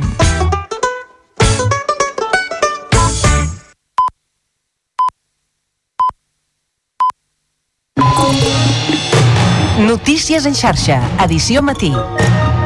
Amb Taís Trujillo. Bon dia, són ara dos quarts de nou del matí i avui al Notícies en xarxa estem molt pendents dels talls i de les marxes lentes dels pagesos aquest dimarts a carreteres d'arreu del país per denunciar les polítiques agràries. De seguida tornarem a connectar en directe amb diferents punts del territori on s'estan produint aquestes mobilitzacions, com són, per exemple, l'autovia A2 o la C25 des de Ponent. Entre altres qüestions, els pagesos denuncien els estralls de la sequera, la crisi de preus, la falta de relleu generacional i del volum de burocràcia al qual sovint es veuen abocats. S'afegeixen d'aquesta manera a mobilitzacions com les que estan fent els darrers dies els pagesos a França. I avui també us estem explicant que Estat i Generalitat pacten el repartiment de despesa per dur aigua des de Sagunt aquest estiu en cas d'extrema necessitat per pal·liar els efectes de la sequera. El govern espanyol també ha garantit el finançament de les desalinitzadores de la Tordera i del Foix. D'aquí a uns minuts analitzarem aquestes mesures amb Jesús Carrera, que és investigador de l'Institut de Diagnosi Ambiental i Estudis de l'Aigua del Consell Superior d'Investigacions Científiques, el CSIC. I estem pendents eh, també de la segona sessió del judici contra Dani Alves per agressió sexual després que la víctima hagi ratificat els fets en una declaració a porta tancada a l'Audiència de Barcelona. Avui serà el torn d'una vintena de testimonis i l'exjugador blaugrana no testificarà fins demà. S'enfronta a una petició de 12 anys de presó. I en esports, el Barça coneixerà aquest migdia quin serà el seu rival als quarts de final de la Champions femenina de futbol. Les blaugranes són caps de sèrie i poden quedar emparellades amb el Haken suec, el Brand noruec i l'Ajax, tres equips dels quals mai s'han enfrontat en competició europea. I en Cultura inauguren oficialment el Centre Martorell d'Exposicions del Parc de la Ciutadella de Barcelona. És el segon equipament que s'obre al públic en el marc de la Ciutadella del Coneixement després de l'hivernacle. Acollirà mostres relacionades amb la biodiversitat i el medi ambient.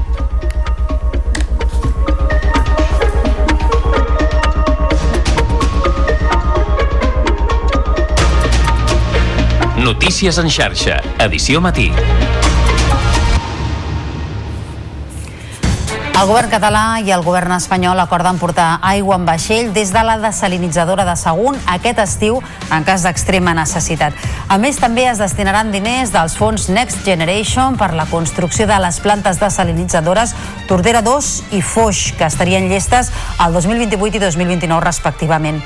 Els costos d'aquestes infraestructures, però, acabaran repercutint en la factura de l'aigua.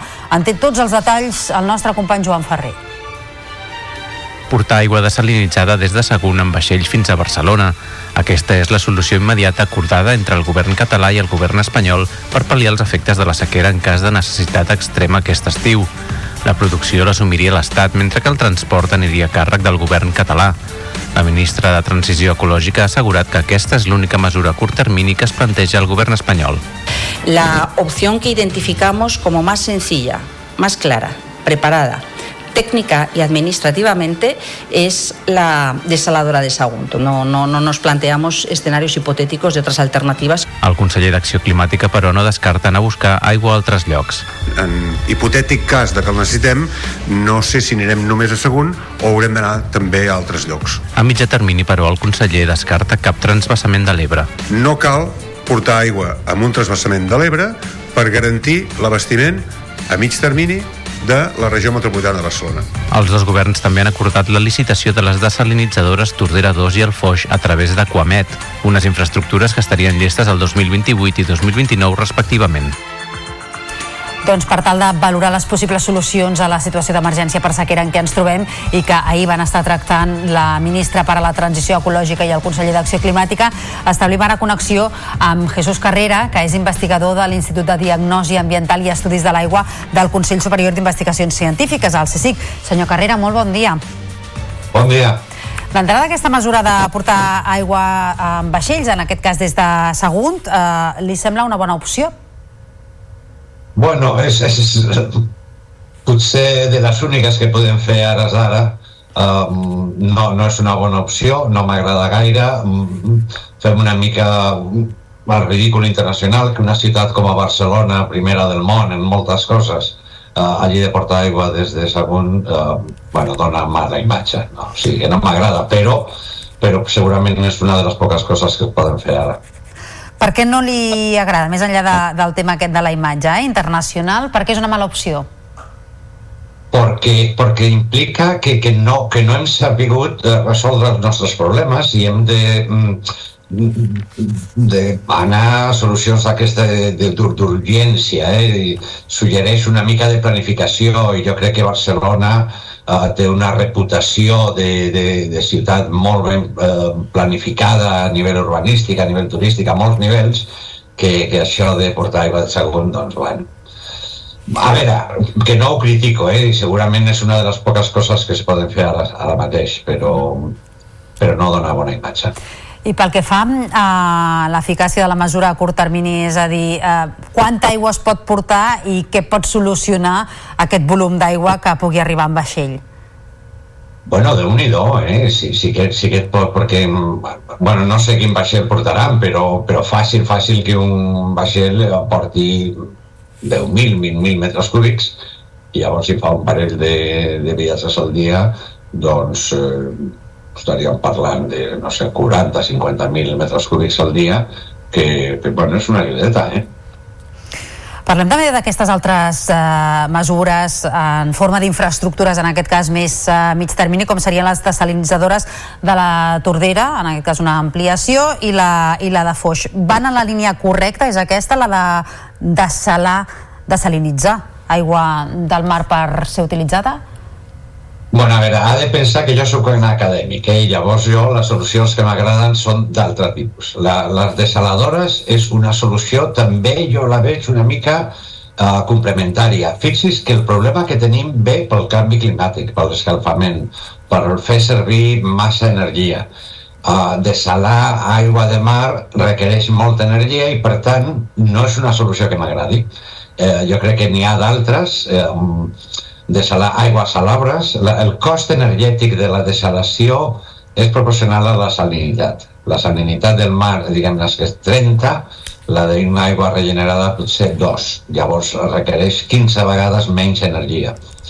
Uh, jo hagués preferit uh, solucions d'aquest tipus, uh, solucions de tipus recàrrega artificial d'aquífers, que no només um, permeten estalviar aigua dels períodes humits pels períodes secs, sinó que a més a més contribueixen a, a, a recuperar els serveis ambientals dels rius, o sigui que, bueno, jo crec que hi ha moltes coses, eh? tenim els rius hechos unos zorros i, i jo hagués preferit més aviat solucions que contribueixen no només a aportar aigua, sinó també a recuperar el nostre medi ambient. Eh, la desalació bueno, aporta aigua a un cost energètic molt alt, uh, però no, no contribueix pas a millorar l'ambient. O sigui, que, uh -huh. en aquest sentit, bueno, millor que res, però no m'agrada. I també pot generar residus nocius, no?, per al medi ambient marí? No, no tant. El, el, el que reconcentra, diguem-ne que reconcentra la salinitat del mar en el punt en el que, en el que es fa la desalació, però no, no, des del punt de vista de contaminació no, no és greu. I, senyor Carrera, aquestes opcions que vostè defensa, em deia, com a, com a acadèmic, creu que, que estan o que podrien estar a l'agenda o al cap dels de, eh, polítics que ens governen? Estan al cap. El problema és que les, el tipus de solucions que jo proposo són solucions menys provades. I, i fixis que jo he començat dient que el problema que tenim a Barcelona aquest és quasi un problema de reputació. I jo suposo que els gestors han dit, mira, deixa't de ballenades, deixa't d'idees felices i, i anem a una solució segura. Lo de les desaladores és una solució segura. Jesús Carrera, investigador de l'Institut de Diagnosi Ambiental i Estudis de l'Aigua del Consell Superior d'Investigacions Científiques, al CSIC. Moltíssimes gràcies per haver-nos atès aquest matí al Notícies en xarxa. Molt bon dia. Gràcies, gràcies a vostè. Ha estat un plaer. Adéu. I tal i com us dèiem en titulars, diferents organitzacions i sindicats de pagesos han convocat aquest dimarts protestes i talls de carreteres amb marxes lentes a diferents punts del país per denunciar les polítiques agràries que afecten el sector. Ens situem ara al Bages, a la comarca on hi confluiran les tres columnes de protesta procedents de la Noia, del Berguedà i del Solsonès. N'estan molt pendents d'aquesta protesta els companys de Canal Taronja Central, i hem parlat abans, Eli Pagan i Edu Font. Edu, molt bon dia, que hi ha de nou? Molt bon dia, doncs ens trobem al punt on d'aquí a una estoneta, ben poca estona, a les 9, ha d'estar ple de tractors, però el cert ara és que de moment hi ha molt poc moviment.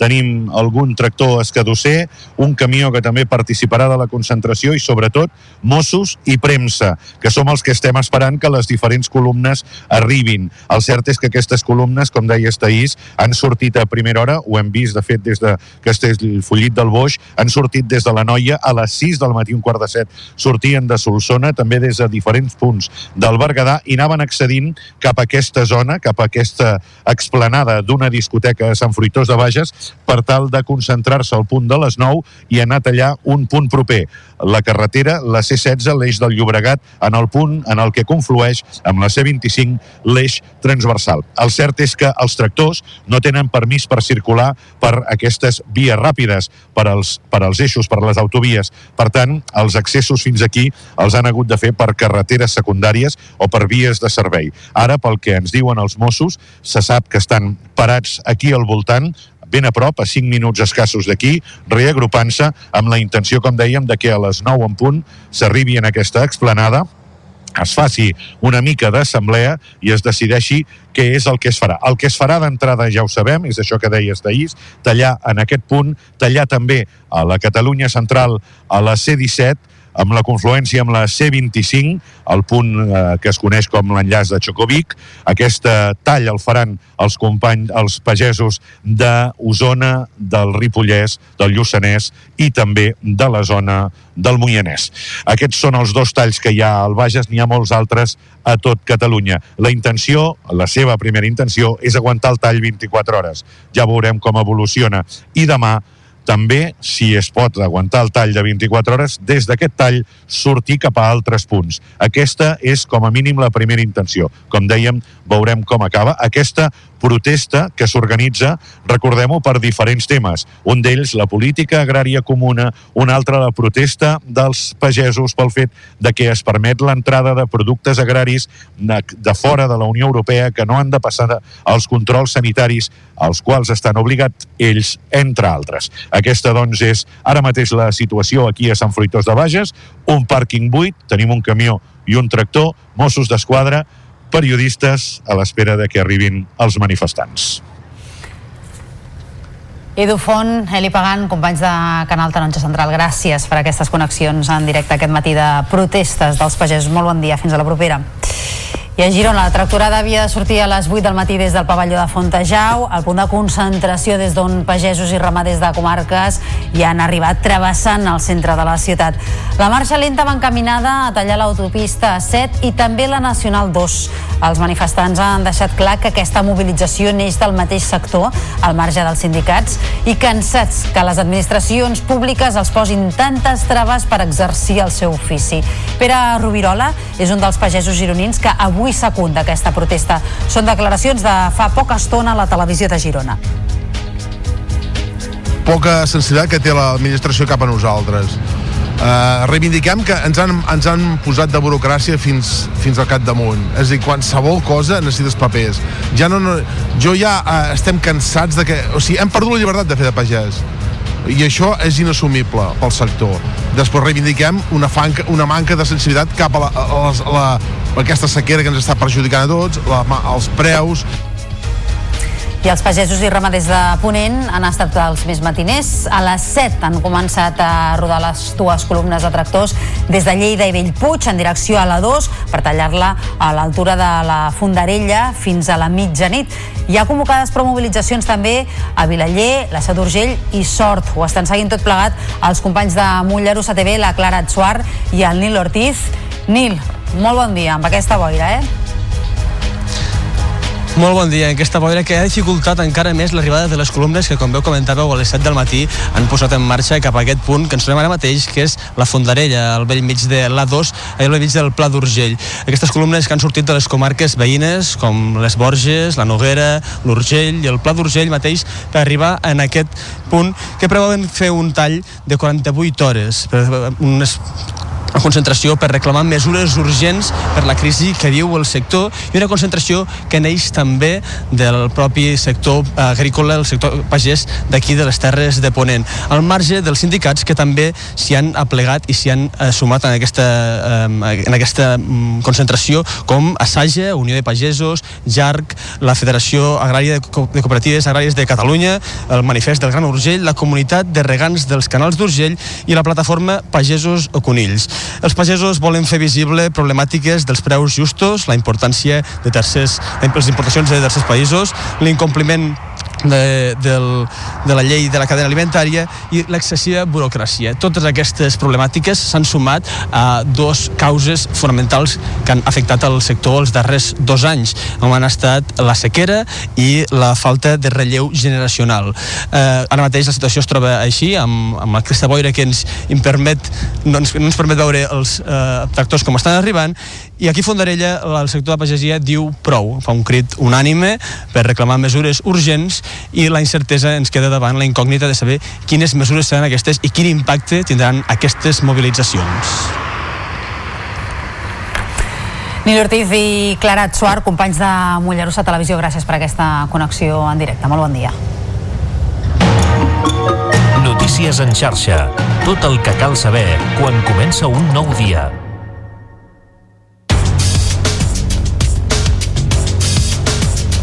Passa ara un minut de tres quarts de nou del matí, segona sessió aquest dimarts a l'Audiència de Barcelona del judici contra Dani Alves per agressió sexual. Avui serà el torn de fins a 22 testimonis i serà finalment demà quan l'exjugador blaugrana declararà. Ho farà després d'haver canviat la seva versió fins a 5 vegades i d'on arribar a un acord amb l'acusació per anul·lar la vista. En la jornada d'ahir va testificar la denunciant. Ho va fer a porta tancada i per ratificar la seva versió dels fets pels quals Alves s'enfronta a una possible pena de 12 anys de presó. També va declarar una amiga de la víctima, assegurant que inicialment la noia no volia denunciar l'agressió perquè pensava que ningú la creuria i que des d'aleshores no treballa, té ansietat i es mostra obsessiva. El judici ha aixecat una gran expectació mediàtica amb prop de 300 periodistes acreditats. I el Consell General del Poder Judicial va aprovar ahir per unanimitat en un ple extraordinari una declaració en què rebutja les acusacions de l'OFER que alguns diputats del Congrés van fer durant el debat de la llei d'amnistia de dimarts passat. Tot i que reconeixen la inviolabilitat parlamentària dels membres del Poder Legislatiu, consideren que aquest fet no resta gravetat a aquelles declaracions. També opinen que caldria assegurar el respecte a la independència del Poder Judicial durant les intervencions parlamentàries, evitant desqualificacions que puguin minar la confiança de la ciutadania en el sistema judicial. I el president del govern espanyol, Pedro Sánchez, ha plantejat la possibilitat de modificar la llei d'enjudiciament criminal per aconseguir el sí de Junts a la llei d'amnistia. Esquerra Republicana de Catalunya està d'acord en limitar el temps d'instrucció si això serveix per garantir que s'aprovi la normativa que ha d'exculpar els implicats en el procés. Raquel Sánchez la portaveu republicana. Esquerra li semblarien bé totes aquelles propostes que puguin garantir que s'aprovi la llei d'amnistia el més aviat possible i que aquesta llei d'amnistia, com hem defensat des del primer moment, es pugui aplicar a les persones que van participar del 9-N, a les persones que van participar de l'1 d'octubre i a les persones que van participar de les protestes posteriors. Dos mesos i mig després de prendre possessió com a ministre d'Indústria i Turisme, Jordi Areu ha atès la petició de la Secot de visitar la patronal. Les dues parts han coincidit en la necessitat de fomentar la indústria i implica també altres ministeris en aquesta tasca.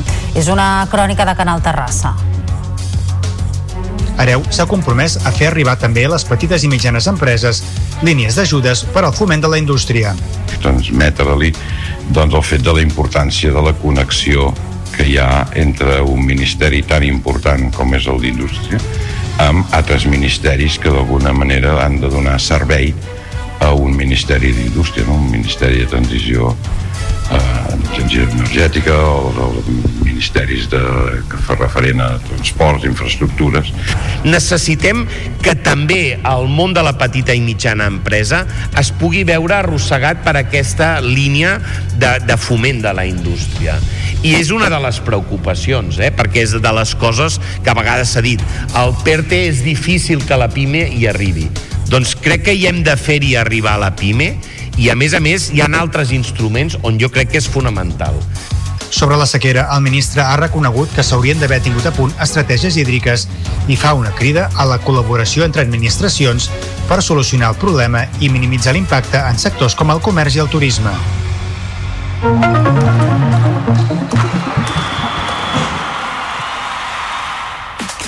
A 10 minuts perquè siguin les 9 en punt del matí repassem l'actualitat esportiva. Cristina, molt bon dia. El Barça coneixerà aquest migdia el camí per ser a la final de la Champions femenina. Sí, el sorteig es farà a la una a Nió. Les blaugranes parteixen com a cap de sèrie i ja quedarà, ja coneixeran tot el camí que els queda dels quarts de final. Com dèiem, les blaugranes parteixen com a caps de sèrie i podrien quedar emparellades amb tres equips als quals mai s'han enfrontat en competició europea. Són el Haken suec, el Brand noruec i l'Ajax. També quedarà definit l'encarregat encreuament de semifinals entre els quatre conjunts que superin els quarts.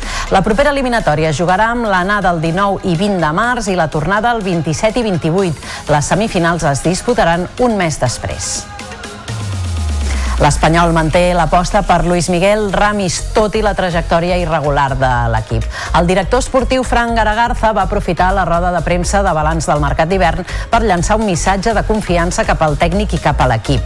Va assegurar que en cap cas ha perillat la continuïtat de l'entrenador i assegura que confia en la capacitat dels jugadors per assolir l'ascens.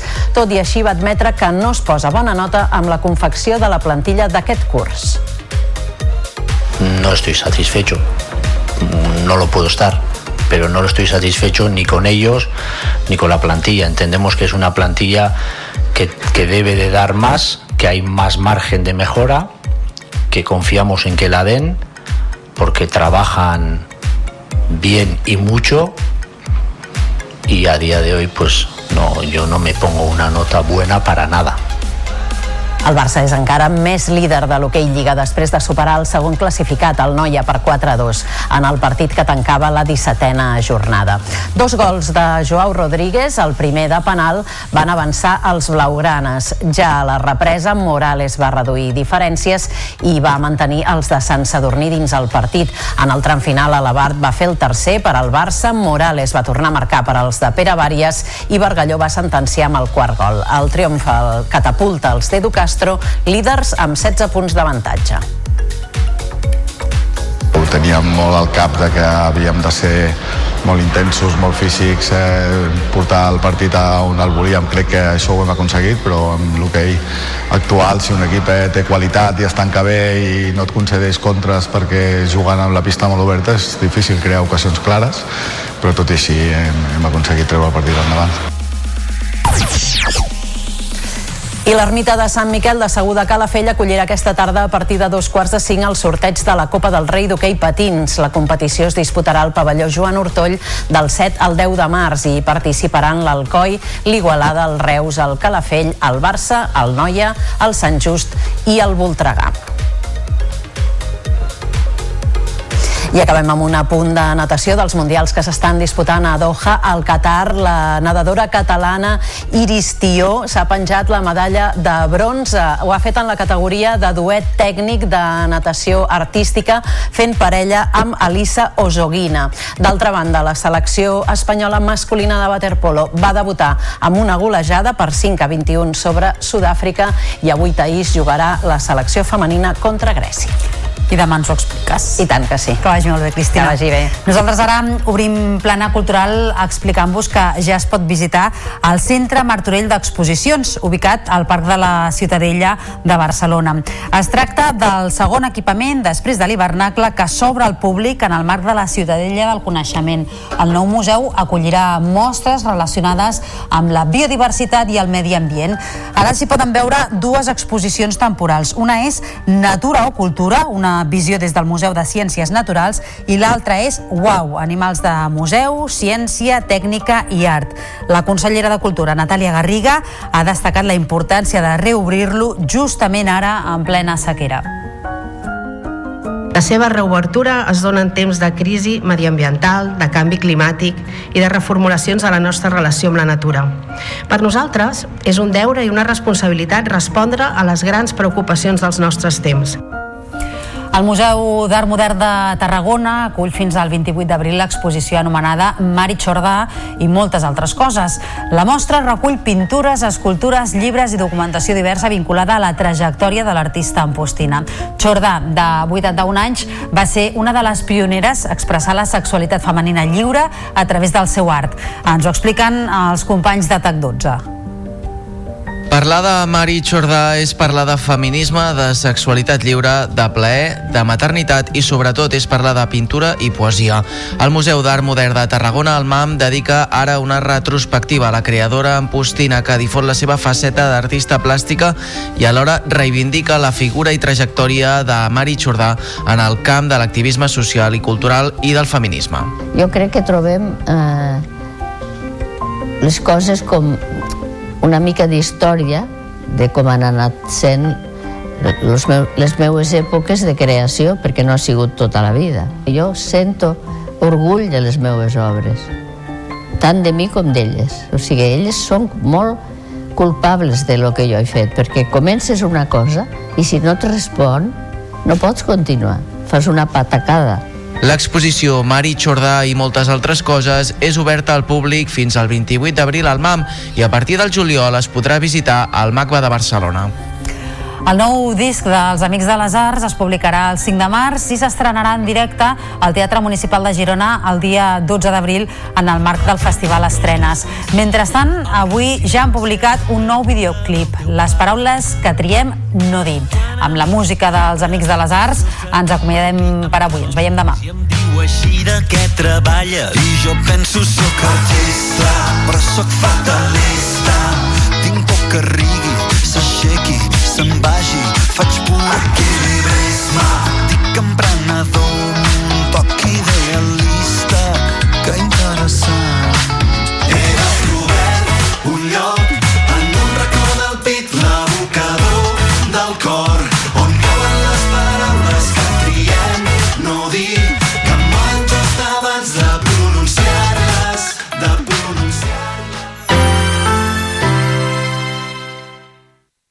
La xarxa de comunicació local.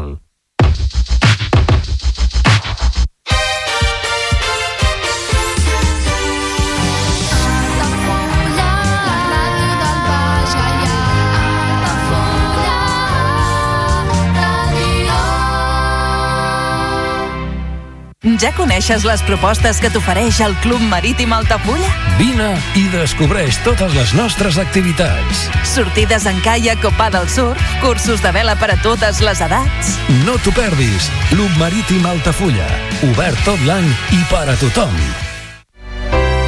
Comunions 2024. Dates ja disponibles amb sales privades, jardí, pàrquing privat i la millor gastronomia. Més informació i reserves al 977 65 11 55 i a comercial arroba altafullamarotel.com o al web altafullamarotel.com. Les teves celebracions familiars a l'Altafulla Mar Hotel. De tant en tant no és negre ni blanc i potser un color diferent ens farà estar units. No cal, no cal, no cal ser radical. Tens la raó, o potser la tinc jo, tanmateix hi haurà cops que ni tu ni jo segur que hi ha, que hi ha, que hi ha un punt en comú. No passa res, la distància infinita no existeix Depèn de com té un la vista. Aigua i sabó que no sigui per això. I veurem l'horitzó amb la mateixa percepció. Siguem companys de viatge Compartint l'equipatge En la maleta i cap un sí i un no. Per fer aquest llarg trajecte Només ens cal respecte. Mateix destí cadascú camins dispars ha per tant, si el parer va canviant, reprendrem el camí en una direcció semblant. Riu avall, riu avall, sempre avançant. Fred o calor, en vaixell o en avió, si ens quedem o marxem, la millor decisió prendrem bilateralment i en comunió. Som herois i ens refem sempre que cometem errors la porta al canvi. Sense por i sense molestar doncs aquí l'important sempre és sincronitzar siguem companys de viatge compartint l'equipatge. En la maleta i cap un sí i un no. Per fer aquell llarg trajecte només ens cal respecte